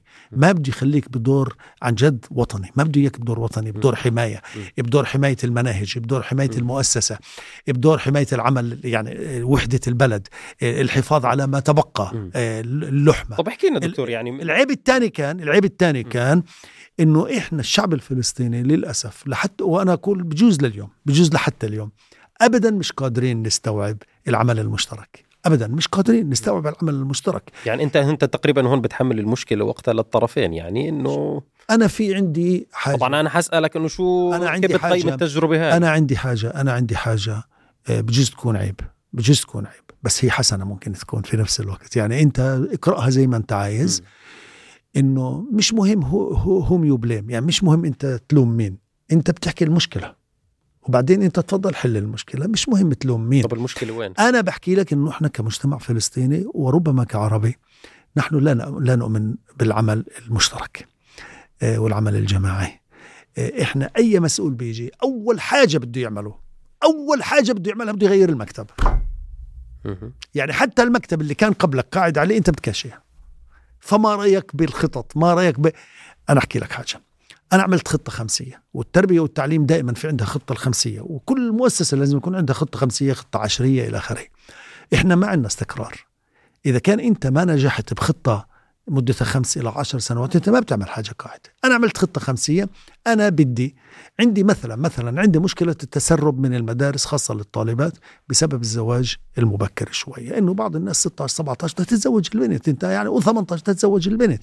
هلأ يصدف إنه بتكون في مرحلة ضل عليها يا دوب توجيه سكين صار تسرب. وهذا الكلام خطير. أنا عملت اجتماع مع ال ال هيئة التخطيط في, في الوزارة. وتناقشنا في الأمر. قلت لهم في اقتراح. في إمكانية إنه إحنا نخرج الطالب توجيهي على عمر 16 خلينا نفكر. طب تعال أحكي لك. امسك لي أي دولة في العالم. أنا الآن بأخذك على دول زي أمريكا مثلا أو زي غيرها أو زي بريطانيا أو أي مكان في العالم. ممكن يكون عمره 17 أو 18 صار طالب جامعي. طب كيف؟ طب خلينا نفكر. طب إحنا ليش نفكر دائما داخل الصندوق؟ ما نفكر خارج الصندوق. ليش لازم يكون أول وثاني وثالث ورابع وبعدين مش عارف متوسط وبعدين أول كذا وبعدين ليه؟ طب ما ممكن أغير شيء. طب ليش لازم بيوم 15 6 آخر يوم للتسجيل عن عمر مش عارف قديش؟ طب ما ممكن اسبكه شهرين ثلاثة وأكسب سنة كاملة. فأنا قلت لهم ممكن نعمل خطة خمسية. هذه الخطة الخمسية إنه ما بقدر أختصر سن القبول سنة على المدرسة لأنه بصير بدي مضاعفة الحصص الصفية مضاعفة المدرسين مضاعفة مضاعفة بصير عدد هائل بسنة واحدة. أنا بوزعه على أربع خمس سنوات. كيف؟ المرة الأولى بقلص عمر القبول عمر القبول بنقصه شهرين أو ثلاث شهور. يعني بدل ما اللي عمره ب 15 6 بقول ب 15 4 انت يعني بقلص شهرين. م. السنة اللي بعدها شهرين. بس دكتور يعني هاي هلا خلال بتحكي فيها يعني لا لا يعني مشاكل ممكن يعني تتعرض لأي وزارات يعني في لا لا ما انتبهت شو اللي بدي هذا هذا مثال. بس مثال لإيش؟ يعني دكتور على التراكم على التراكم. نعم. بس أوضح لك على التراكم. كيف يعني؟ يعني أنا عملت لك خطه خمسية. لما أنا أروح مش تلغي الخطه الخمسية لما يجي اللي بعد تكمل. اللي يجي بعدي يرد يبطل عن عن 15 4 يرجعنا ل 15 6 وهيك اللي صار. هيك اللي صار. إنه بعد سنتين من الخطة الخمسية إنك أنت رجعت ل... لشيء جديد. طب ليش؟ اليوم تيجي تقول لي أنا بدي أعمل توجيهي شوي يجي واحد يقول لك لا بديش بديش أعمل امتحان توجيهي. يجي واحد يقول لك بدي اعمل له سنتين فصلين يجي واحد يقول لك بدي اعمل له ثلاثة يجي أربعة. ما في ما في ما في ما في والنظام كله والسيستم كله. أنت ما عندك تراكم. في يوم من الأيام تم اعتبار إنه التكنولوجيا ماده مش إجبارية. إيش مش إجبارية؟ طب انت هذا بيأثر على الطالب بيأثر على قبوله في دول العالم في الجامعات العلمية بيأثر على تخصصاته. طيب دكتور بعيدا عن التربية والتعليم زائد اللي هو التعاون العمل المشترك يعني التعاون. بمعنى بمعنى بمعنى انت وزير ديمقراطي من من جبهة ديمقراطية بينما عندك مثلا مساعدك أو الوكيل تبعك مثلا من حزب آخر ماشي؟ من حزب آخر. هو بصير يحدد تبعيته لإلك والتزامه بتعليماتك بناء على إيش؟ بناء على لونك السياسي، طب ليش يا حبيبي؟ ليش يا حبيبي؟ طب تعال أنا وياك نشتغل بعيدا عن اللون السياسي، أنا الآن وزير أنا الآن وزير، أنا قبل ما استلمت وزارتي ممكن ممكن اني كنت جبهه شعبية ديمقراطية فاتح حماس، بس وانس أنت قعدت على المكتب أنت وزير حكومة الشعب الفلسطيني. طيب دكتور شو اللي أدى لفشل الحكومة الأولى والتوجه أو هذا السبب الرئيسي إنه مش عدم عارفين العمل يتفاهموا. المشترك مم. عدم التعاون إنه أنت رأس بلا جسد جسد بلا رأس إلى سميها زي ما أنت عايز مم. هذا أول شيء ولذلك أصبح في ناس ما بدها تشتغل بدهاش تشتغل طب شو صراحة. دكتور شو قصة الأمر الآخر عدم وجود لا عدم وجود مخصصات مالية مم. يعني أنت لما لما أمريكا أخذت قرار قطع الرواتب. هي- منع نقل الأموال مم. أموال تكون موجودة باسم السلطة الفلسطينية موجودة في القاهرة موجودة في عمان موجودة في كل مكان في موجودة في الجامعة العربية. وأمريكا تمنع تحويلها. تمنع تحويلها. مم. البعض بيقول لك ما فيش فلوس. ما ما تصدقش. ما تصدقش. ال... الآن لو أنت تروح ترجع للأرقام ستجد إنه اللي دخل على ميزانية ال- السلطة في الفترة اللي إحنا ك... اللي أنا كنت فيها على سبيل المثال مرتين كنت أنا فيها ست... ستفوق أي من... وقت آخر. المشكلة كانت إنه قديش أمريكا كانت تحاول إنها تمنع نقل هذه الأموال من الجامعة العربية. تخيل من الجامعة العربية للسلطة الفلسطينية. لأنه هناك كان في قرار إنه هذه الحكومة يجب أن توافق على آه، شروط الرباعية. شروط الرباعية واضح تماما إنها هي عملية ابتزاز. وهي شروط ليفني مش وزارة الخارجية الإسرائيلية تم تبنيها في اللجنة الرباعية ويريد من الفلسطينيين أن يوافقوا عليه أنا عملت تصور ممتاز. قالوا لي إيش أنت؟ اقبل شروط الرباعية. قلت لهم ما بنقبل شروط الرباعية إلا بشرط رابع. قال إيش الشرط الرابع؟ قلت لهم أنه هذا يكون على رأس الطرفين الإسرائيليين والفلسطينيين. تلتزم إسرائيل ونحن نلتزم الطرفين.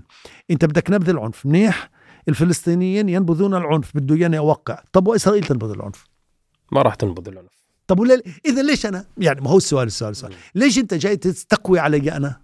ليش؟ هو بده إياني اعترف بك طب هو بده يعترف. يعني ما هو برضه بدي أقول لك شغلة. بس اليوم هيك دكتور معلش يعني أنت. لخصت كل المشكلة كأنه كانت المشكلة في إسرائيل فقط. شو قصة إدارتك للحكومة وللوزارات وللوضع من السيارة؟ لا هذا من سبب الإسرائيليين. لا فقط. أنا أنا لما كنت أدخل يعني على وزارة التربية أضرب لك مثال. أد... لا في في شو العراقيل؟ في في طلع علي طلع. في قبل حابة تسمع وتعرف هذا الشيء. هلا شوف في أحداث انقسام. مم. في أحداث انقسام انحداث انقسام قبل الانقسام أي نعم مم. أي نعم ووصلت حد إطلاق نار على يعني بشكل كبير جدا مم. أنا أذكر في جلسة من مجلس جلسات مجلس الوزراء أنا كنت في مجلس الوزراء أنا أقود الجلسة في في, في هون آه، في الضفة وفي الطرف في غزة كان في كمان رئيس الوزراء وآخرين الوزراء موجودين آه، وتم آه، وق- وقف ال- الجلسة بسبب القصف على على مكان الاجتماع واطلاق نار مم. ال- المسألة أنت بتحكي في الضفة؟ في غزة. في غزة. ما ما انت يا حكومة يا مش حكومة. مم. يعني انت يا حكومة واحدة يا مش حكومة. طب ليش كنت تدير الحكومة من ولا كيف؟ من السيارة أقصد؟ حكيت لك. أنا على سبيل المثال يعني لما ادخل حكينا من لا ما أنا. بجاوبك ما أنا بدي أجاوبك. أنا نعم. بدي أجاوبك. أنا كنت لما أدخل مثلا وزارتي أو مجلس الوزراء المرافقين تبعيني بيكونوا موجودين في أكثر من مكان. بمجرد الجيش الإسرائيلي اجى على المكان أنا بغادره لأنه الجيش الإسرائيلي بيهدد بده يعتقلني. هيك المعركة كانت. هيك المعركة كانت. وبالتالي أنا كنت أتنقل ساعة مجلس الوزراء ساعة وزارة التربية والتعليم ساعة في التعليم العالي ساعة في, في كذا في وزارة شؤون الأسرة ساعة في كذا إلى آخره. لأنه هذا كلام خطير جدا والناس لازم تعرفه. أنا بدي أقول لك بس حاجة. الانقسام موجود. وأحداث العنف الداخلي موجودة وأدت إلى قتل للأسف يعني وموجودة. ولكن أنا أناشد الشعب الفلسطيني. أنا أناشد الشعب الفلسطيني. أنه ينتبه إن معركته وبوصلته هي كيف ينتهي من الاحتلال. ليس إنه إحنا نضل نعيد الجراح ونعيد نفس الكلام. صدقوني إنه الانقسام وأحداث إطلاق النار على العالم وعلى المواطنين والمشاكل الداخلية لن تخدم أحد إلا الاحتلال ولن تدمر إلا المجتمع الفلسطيني. ابدا. يا عمي يا عمي عندك أشياء وعندك حدويت كثيره ممكن أنت ما تحكيهاش لابنك لأنك ما بدك تورث له ما بدك تورث له اللؤم والانتقام. اليوم إحنا بس ما بتعتقد دكتور من حق الناس تعرف شو اللي صار؟ حتى بتعرف ولا حد ما بيعرف ما تخاف ما حد ما بيعرف. لكن ما بدي تسليط الضوء. الآن أنا عندي هذه أنت بتسلط الضوء علي لأنك بتحكي معايا. الآن إذا أنت والله بدك تلقي على فيلم بدك تعرضه بدك بتلقي على الفيلم بتعرضه أنا بحكي لك أنا بدي أحكي للشباب. وبدي أحكي للجيل الجديد. إذا ضلت الكاميرا مسلطة على الخلافات البينية العائلية مخيم ومخيم مخيم ومدينة قرية وقرية اللي بحدها آه، موجود ولا العائدين؟ وأنا بحكي لك أنا بحكي لك هذه كلها موجودة. م. الحارة الفوق والحارة هاي التحت. دكتور طبيعية دار في كل المجتمعات. موجودة. إذا الآن بدي ضل مسلط الضوء عليها عمرني ما بخرج. من البوتقة اللي أنا فيها. يجب.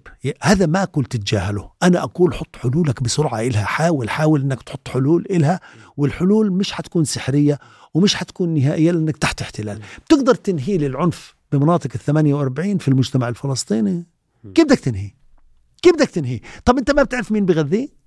ما بتعرف مين بغذيه؟ احتلال طب اذا اذا أنت مشكلتك لازم تعرف حتى اللي قتلك جارك بس لازم تعرف. إنه هذا رصاص واللي وداه واللي سهل له واللي كذا هو طرف آخر. لازم إحنا نكون واضحين. أنا عشان هيك قلت لك إحنا لازم اللي بيخطئ بحق آخر نأتي به للقضاء. واسكت خلاص حتى لو إنك خسرت شوية. لكن إحنا مشكلتنا الرئيسية كيف نواجه الاحتلال وآلته؟ لأنه أنا بدي تحرر. أنا من حقي. ويا أخي يسمعوني الاحتلال. يا أخي يسمعوني الاحتلال. يا أخي أنا يعني أنا هو بيبعثوا لي وبيتصلوا علي ومرات ليش ابنك بيدرس بالجامعة واحكي له إنه إذا انتخب كذا بيأثر على دراسته و- وإحنا بدناش مشاكل وأولادكم بيعملوا مشاكل. طب يا أخي يا حبيبي يا حبيبي يا حبيبي المشكلة الرئيسية ومشكلة المشاكل العالم كله كمان يعرف هي الاحتلال. يا عالم يا بشر ويا جيل يا شباب. بتعرف أنت المشكلة الرئيسية اللي عطلت كل كل العمل الوطني هاي 10 15 20 سنة الانقسام الداخلي. مرة تانية أنا ما بدي بليم هوم أنا مش قصتي بدي حاكم مين الآن. أنا بدي حاكم الانقسام والمنتفعين من الانقسام والذي يسلط الضوء على الانقسام والذي يدفع باستمرار الانقسام ولك هذه خيانة كبرى للوطن. لكم هذه النكبة الحقيقية لنا أكبر من نكبة 67 لأنه إحنا كل يوم قاعدين بنخسر حاجة جديدة. اليوم اليوم إذا أنت بتلاحظ الإشي اللي ناجح الإشي اللي ناجح اللي بيعملوه ناس غير منقسمين. وروح انت جيب الظواهر وتفرج. الناس غير المنقسمة تنجح وتحقق إنجازات وما في داعي أدخل التفاصيل. لكن الناس المنقسمة من فشل إلى فشل إلى فشل لأنه مناكفات. أنا في يوم من الأيام قلت لهم يا جماعة أنا ما بخسر غزة.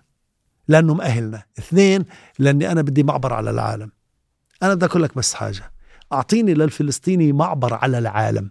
أعطيني للفلسطيني معبر على العالم غير شاطئ غزة أعطيني. معبر على العالم على دولي على إنه لك حدود دولية. مم. وين؟ الأخرى حدود جيران على راسي أنا ما بنكرش. ومليونين يعني. ومرحبا. هلأ بالمقابل بالمقابل. مم. هل أنا بقبل دولة بغزة؟ معبرك من غزة إلى الضفة إلى القدس إلى الوطن إلى مزبوط؟ إلى بوصلة لا تشير إلى القدس. إيش مالها؟ مشبوهة. ولذلك إحنا وصلنا إلى نتيجة. لا دولة لا دولة بدون غزة ولا دولة في غزة. لا يمكن أن نقبل لا يمكن أن نقبل. اليوم أنا بدي معبر وبدي غزة وبدي تواصل وبدي وبدي التحدي تبعي يكون واضح وصريح. ويا عمي هذا ما بنستحي فيه. يا ناس أنا بدي بس شبابنا يسمعوا بس شبابنا يسمعون. أنا هذا الكلام أنا بحكيه أنا بحكيه وأنا موجود في بطن الحوت. أنا مش لأنه اللي بحكيه حقي حقي الإنساني. وخلي يطلع كمان أعلى ناس في المجتمع الإسرائيلي والحكومة الإسرائيلية تقول ما تشاء هي حرة بس أنا حر وأنا إنسان. أنا حر اذا أنا موجود. اللي بيقول لك أنا آكل اذا أنا موجود. أنا أفكر اذا أنا موجود. ضلك فكر تحت اللحاف تبعك. طيب دكتور خلينا نرجع لتجربة تفضل. اللي هي السنة و- وبعدين حكومة الوحدة ثلاثة أشهر. نعم. دكتور كيف يعني بكل صدق وتجرد وبدنا إجابة واضحة ومباشرة كيف بتقيم هاي التجربة؟ وهل بتعتقد أنه حماس تسرعت في, في أنها تقود هاي الحكومة أو أخطأت؟ وين وين أصابت وين أخطأت حماس؟ شوف يا حبيبي شوف يا حبيبي أنا قلت لك قلت لك إنه هي للأسف فشلت بعمل حكومة وحدة وطنية في الأول آه، أو أو فشلت يعني النتيجة واحدة. طيب. وبالتالي فشلت أن تكون حكومة وحدها لأنه لن يسمح لن يسمح لا العالم راح يسمح لك ولا حالة الانقسام الداخلي راح تسمح. يعني ما ولا رفض على الإج- ابدا الجديد. ابدا لا يمكن لا يمكن. شوف شوف م. أنا لما صارت تفكير في انتخابات وعادة الانتخابات مرة ثانية. كان في رأسي موال. في الانتخابات اللي ألغيت اللي الغاها السيد الرئيس. أنا كان في رأسي موال. إنه كيف يمكن خوض انتخابات لا يفوز فيها واحد بالأغلبية؟ ولا فصل. ولذلك أنا اقترحت على كل القوى اللي موجودة على فتح. وعلى حماس بالدرجة الأساس إنه نيجي بنحط اتفاق بين الجميع. أي واحد بده ينزل انتخابات ممنوع ينزل قائمة فيها 60 بلا 50 بلس يعني لازم تكون 50 لس يعني مشان ولا واحد يقدر يشكل لا الحكومة لحاله وإنه بحاجة إلى تحالفات مع بس هذا دكتور جربناه في حكومة الوحدة. مش هذا الشيء تم تجريبه في حكومة آه. الوحدة اللي هو بعد طيب. الاتفاق اللي صار. آه. ثلاث أشهر وما كملت. ليش ما كملت؟ حاجة بدي أقول لك بس. يعني الدكتور اللي بحكي ممكن نرجع نطبقه وحنرجع في نفس الفشل. لا لا لا لا. هسه إحنا طلع أحكي لك شغلة. اولا أنت في انتخابات يعني معناته بدك تشكل مجلس تشريعي فسائي يمثل الجميع. فانت حققت الحد الأدنى من الوحدة الوطنية. اثنين هذا المجلس بده ينعكس بنفس نسبه على الحكومة. يعني أنت جبت 20% من المجلس لك 20% من الحكومة لك خمسة خمسة. انتبهت أنت؟ م. هذا كمان شيء ثاني فأنت كمان موجود في الحكومة وبالتالي أنا نزعت كل المخاوف. بس اكملك بس اكملك نعم. الأمر الآخر ما لا يعرفه الناس. ما لا يعرفه الناس.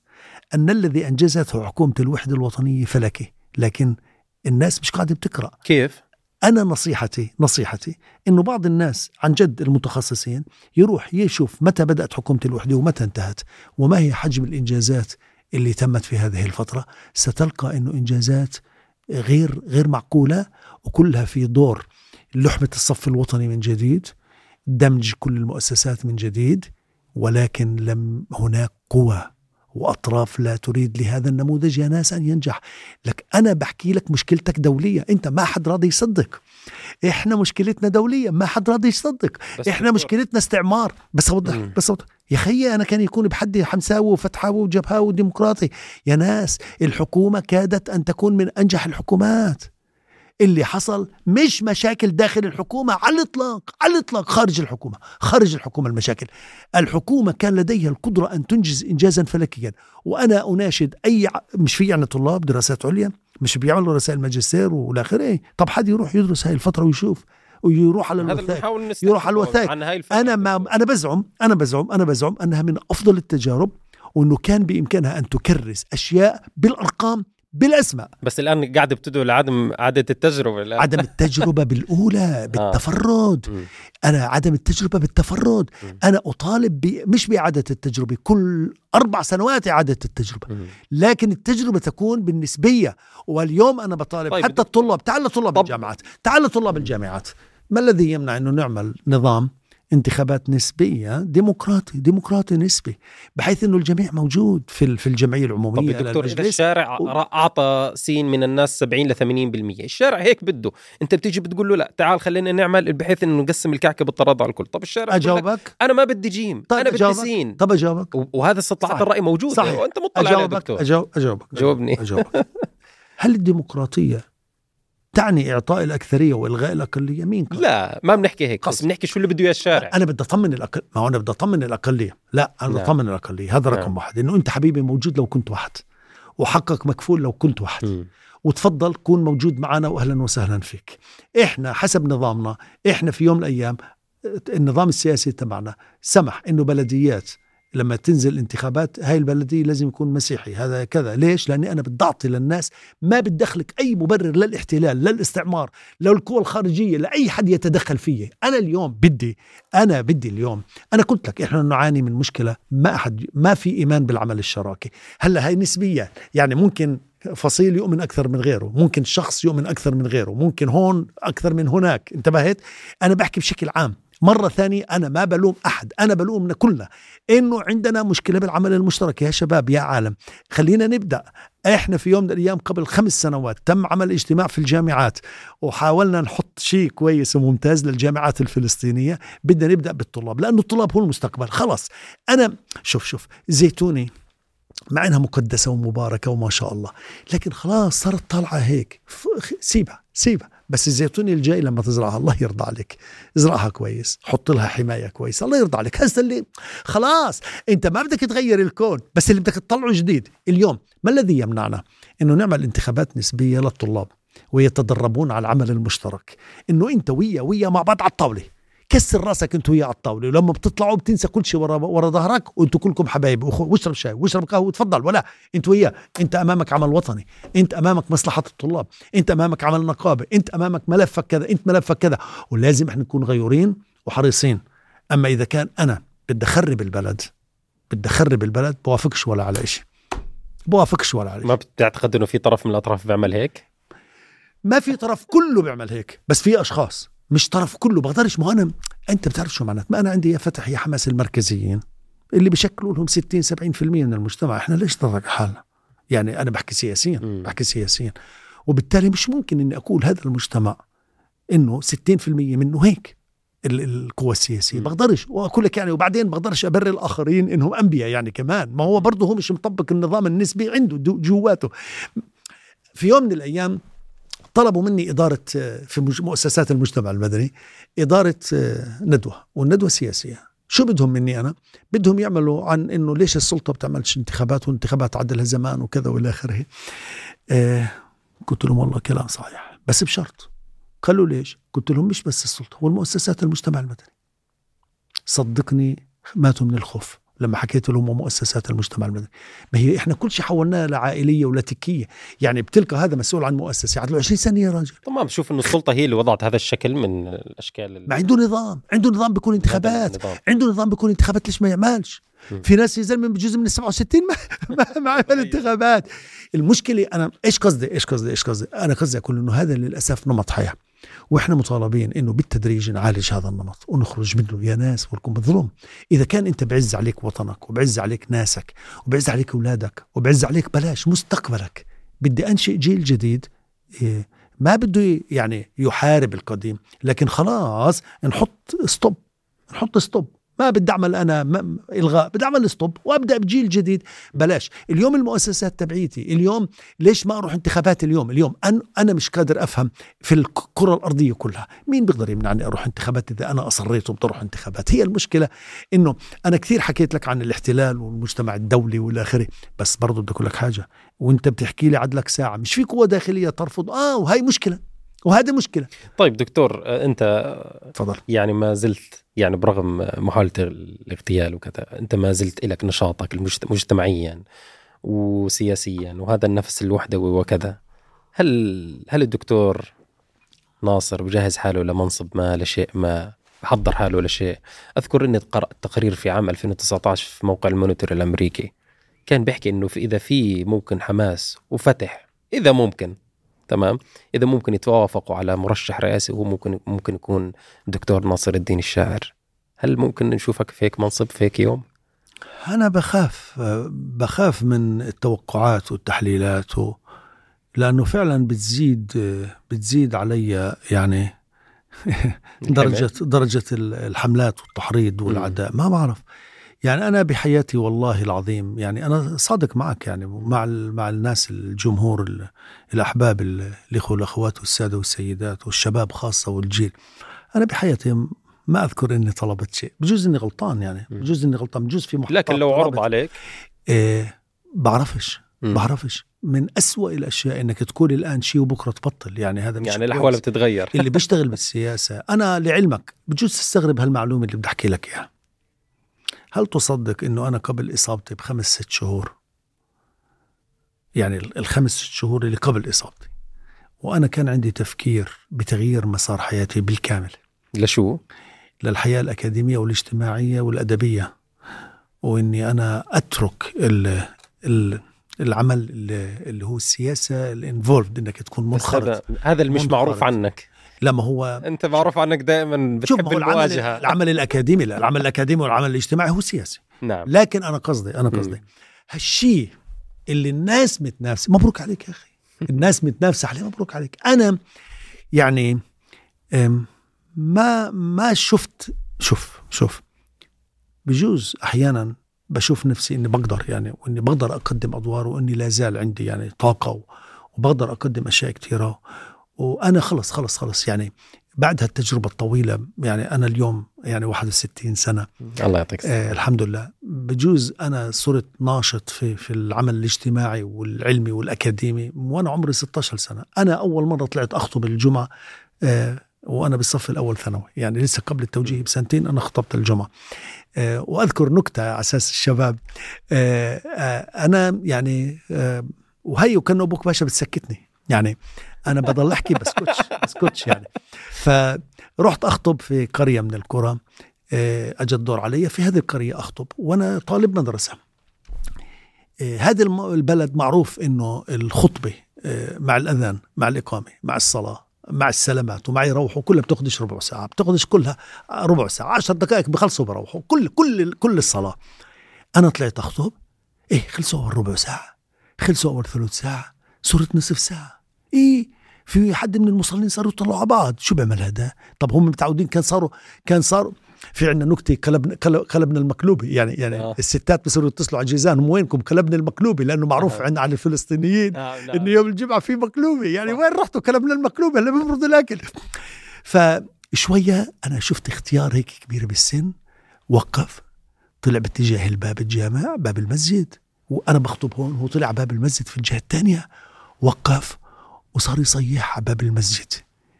أنا قلت أعوذ بالله من الشيطان الرجيم شو بده يعمل الزلمه اللي هو بينادي على مين؟ حفيد له ابن ابنه أو ابن بنته. هي يا سيدو يا إبراهيم هي يا سيدو يا إبراهيم هات لي وسادي مطولي كأنه بدنا ننام اليوم. هذا خلال خطبة الجمعة خلال خطبة الجمعة. نعم. فأنا بجوز إني شايف حالي بجوز تقديراتي لنفسي يعني overestimate يعني تقدير إني أنا آه بقدر. للأمانة للأمانة أنا لا أنكر لا أنكر إني واذا بدي وحطيت ذهني بشيء بقدر. أنا لا أنكر أنا لا أنكر. اثنين أحيانا بحس إنه انسحابي خيانة مشان تكون الأمور واضحة. نعم. يعني أنا بحس إني إذا أنا ما كنتش في شيء ما يعني كأني بخون الناس. طب يعني الله أعطاني. طب مجتمعي له علي دير بالك. فضل أنا مجتمعي درسني مجتمعني. يعني علمني الناس احتضنتني عملوني مجلس طلبه وأنا لسه يعني سنة أولى جامعة عملوني وزير وأنا لسه طالع من السجن امبارح. المجتمع تبعي أعطاني كثير أشياء. الناس أعطتني كثير والناس بتحبني. في يوم من الأيام رئيس الجامعة بيتصل علي بكل عاوزك. آه، قلت له طيب ماشي. طلعت آه، إلا بتقول لي رئيس الجامعة بستناك. فتت قلت له أمرني. قال لي أخ ناصر أنا عندي اجتماع يعني الآن آه، على مجلس أمناء وفي تغييرات يعني على العمداء الكليات وأنا حابب أنك أنت تستلم عميد كلية أنك تصير عميد في مجلس العمداء. سكتت سكتت سكتت. كنت أعوذ بالله من الشيطان الرجيم. يعني أنا كنت راجع جديد من بريطانيا مخلص دراستي في بريطانيا في مانشستر university دراسات شرق أوسطية. مقارنة أديان مقارنة أديان هذا أي سنة؟ آه 96 آه، مم. لما رجعت لكن بعدها استلمت نشاطات آه، برامج وندوات وحوارية وشي. فهلا بحكي لي هيك هيك.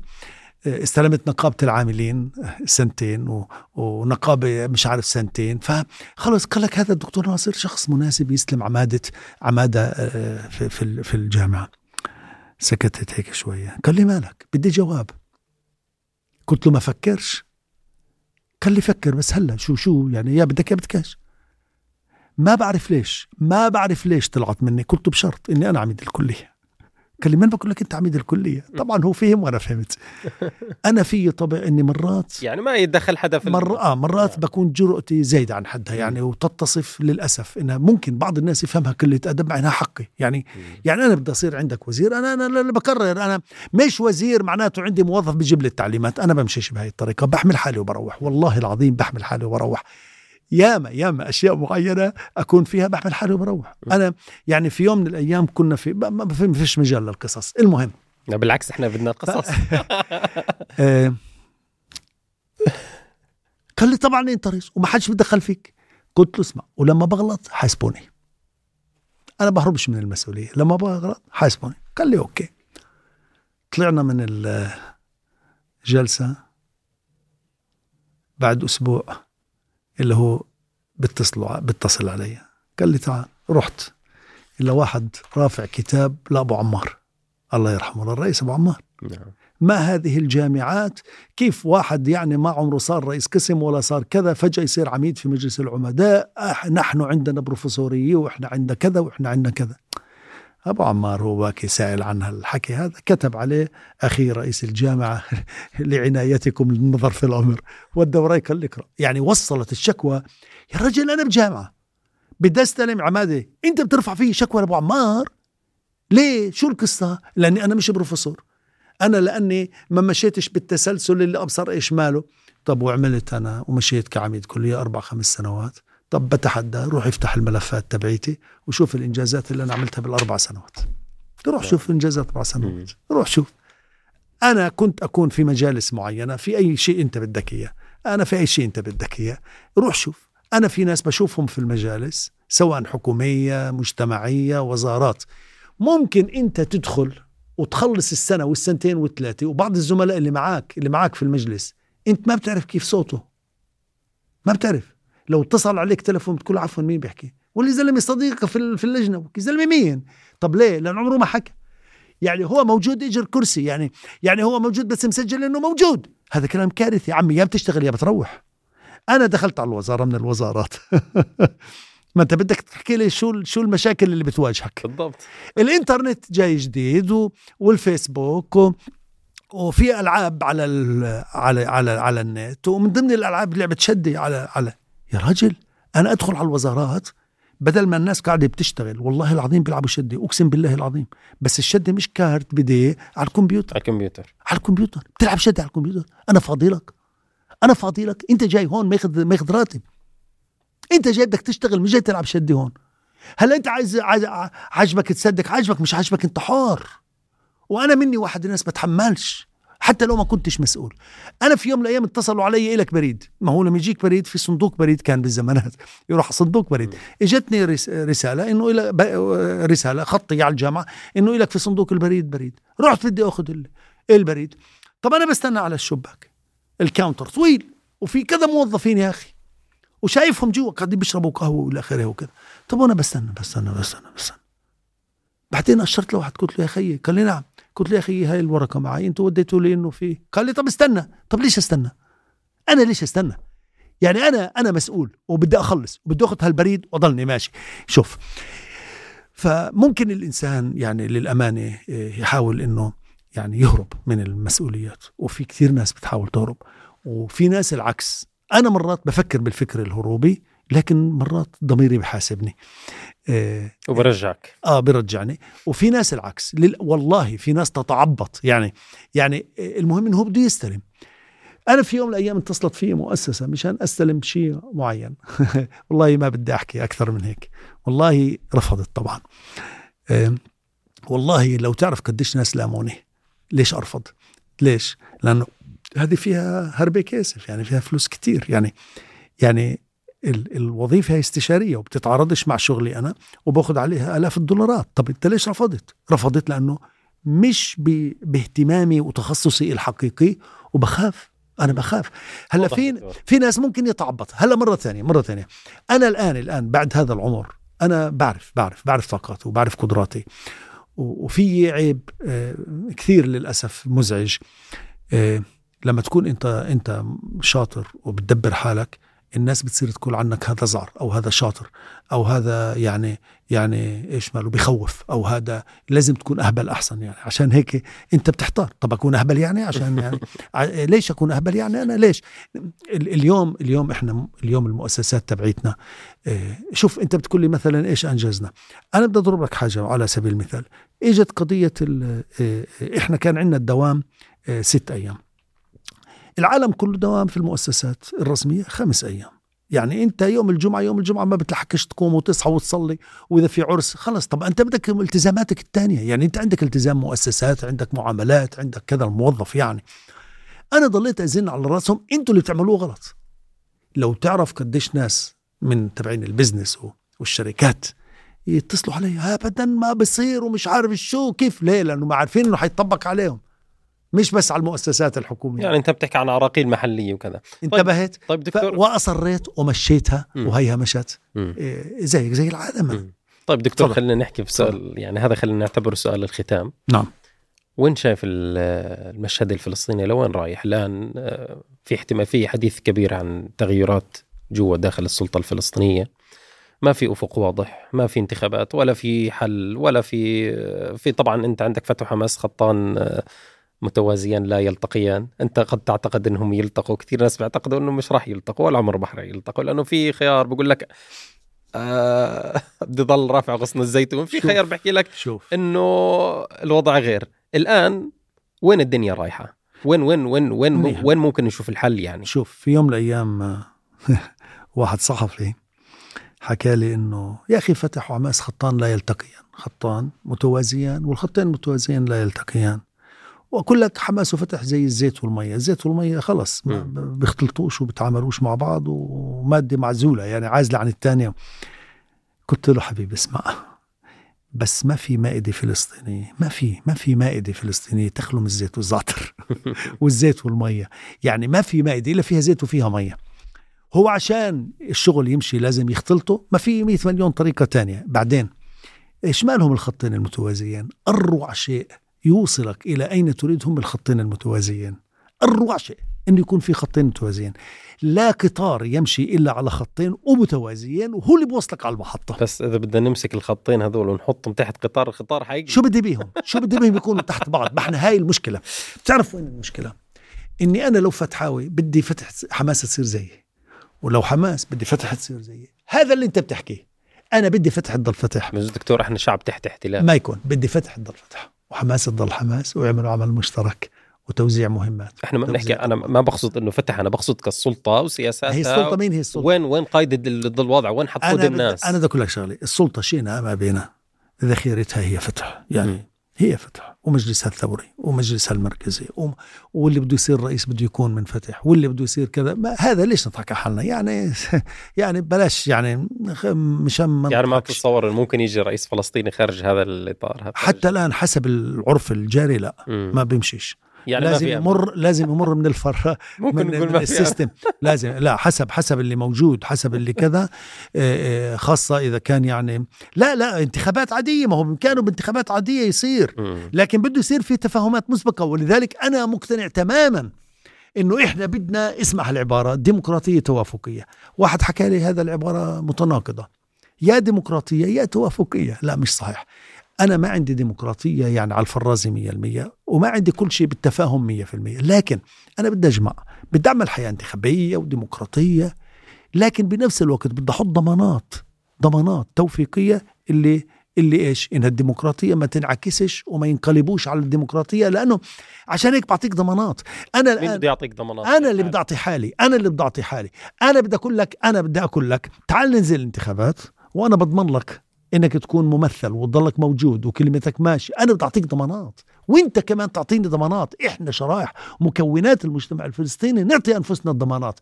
إنه ما حد بده يروح الثاني ما حد بده يقصي الثاني وهذا الكلام مش وعود لا لا اجرائيا. يعني بدي تعطيني ضمانات إجرائية. عشان هيك أنا قلت لك مثلا مثلا التفكير النسبي التفكير حيث أمكن التفكير بالتوافق التفكير بكذا. مع الحياة الديمقراطية على أي حال على أي حال. أنا ما بحكي عن شيء وردي. وما بحكي انها الأمور سهلة أنا بس بدي أختم بما يلي. أحيانا أنت ال- الهدم وانس يعني يعني بلحظة بتهدم. بس البناء بالتدرج.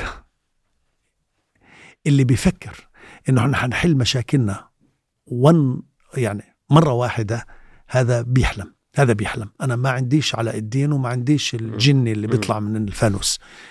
عملية البناء بالتدرج بدها نفس طويل وال- وصبر وال- طويل. والمصالحة وإعادة المجتمع للحمته بالتدرج خاصة إنك أنت بتعمل بتعمل ضد ضد طرفين بتعمل ضد الاحتلال. والله العظيم على فكرة بعض الناس مش مصدق إنه هذا المصالحة ضد الاحتلال. بعض الناس مش مصدق. حر هو حر هو. طيب. لأنه الانقسام مصلحة إسرائيلية اختصر. أكيد. مصلحة للاحتلال. إذا أنت هيك بتعمل عكس مصلحته وبالتالي بدوش إياك. النقطة الثانية أنت بتعمل ضد مصالح المنتفعين من الانقسام، هلأ بتقول لي في منتفعين من الانقسام مشان. تبتزني وإني إني أجاوبك، أوه! أكثر من المنتفعين من المصالحة، يلا روح، صحيح. المنتفعين من الانقسام أكثر من المنتفعين من المصالحة، وسأقول لك أمرا آخر، المصالحة فيها خسائر، والانقسام فيه مصالح، ولذلك أصحاب المصالح يفضلون الانقسام، دكتور ناصر الدين الشاعر. كل احترام. الله يعطيك ألف عافية. نورتنا وشرفنا في يرضى الجسر بودكاست. كان لقاء غني شكرا. مفيد إن شاء الله. شكرا لكم الله حبيبيني. الله يرضى عليكم. شكراً. لك ولضيوفك والمشاهدين والمستمعين والمستمعات. شكرا. الأحباب جميعا والجيل الجاي كمان إن شاء الله يا رب. وتكون أيامكم جميعا أحسن من أيامنا إن شاء الله رب العالمين. شكرا لكم. الله يسعدك السلام عليكم.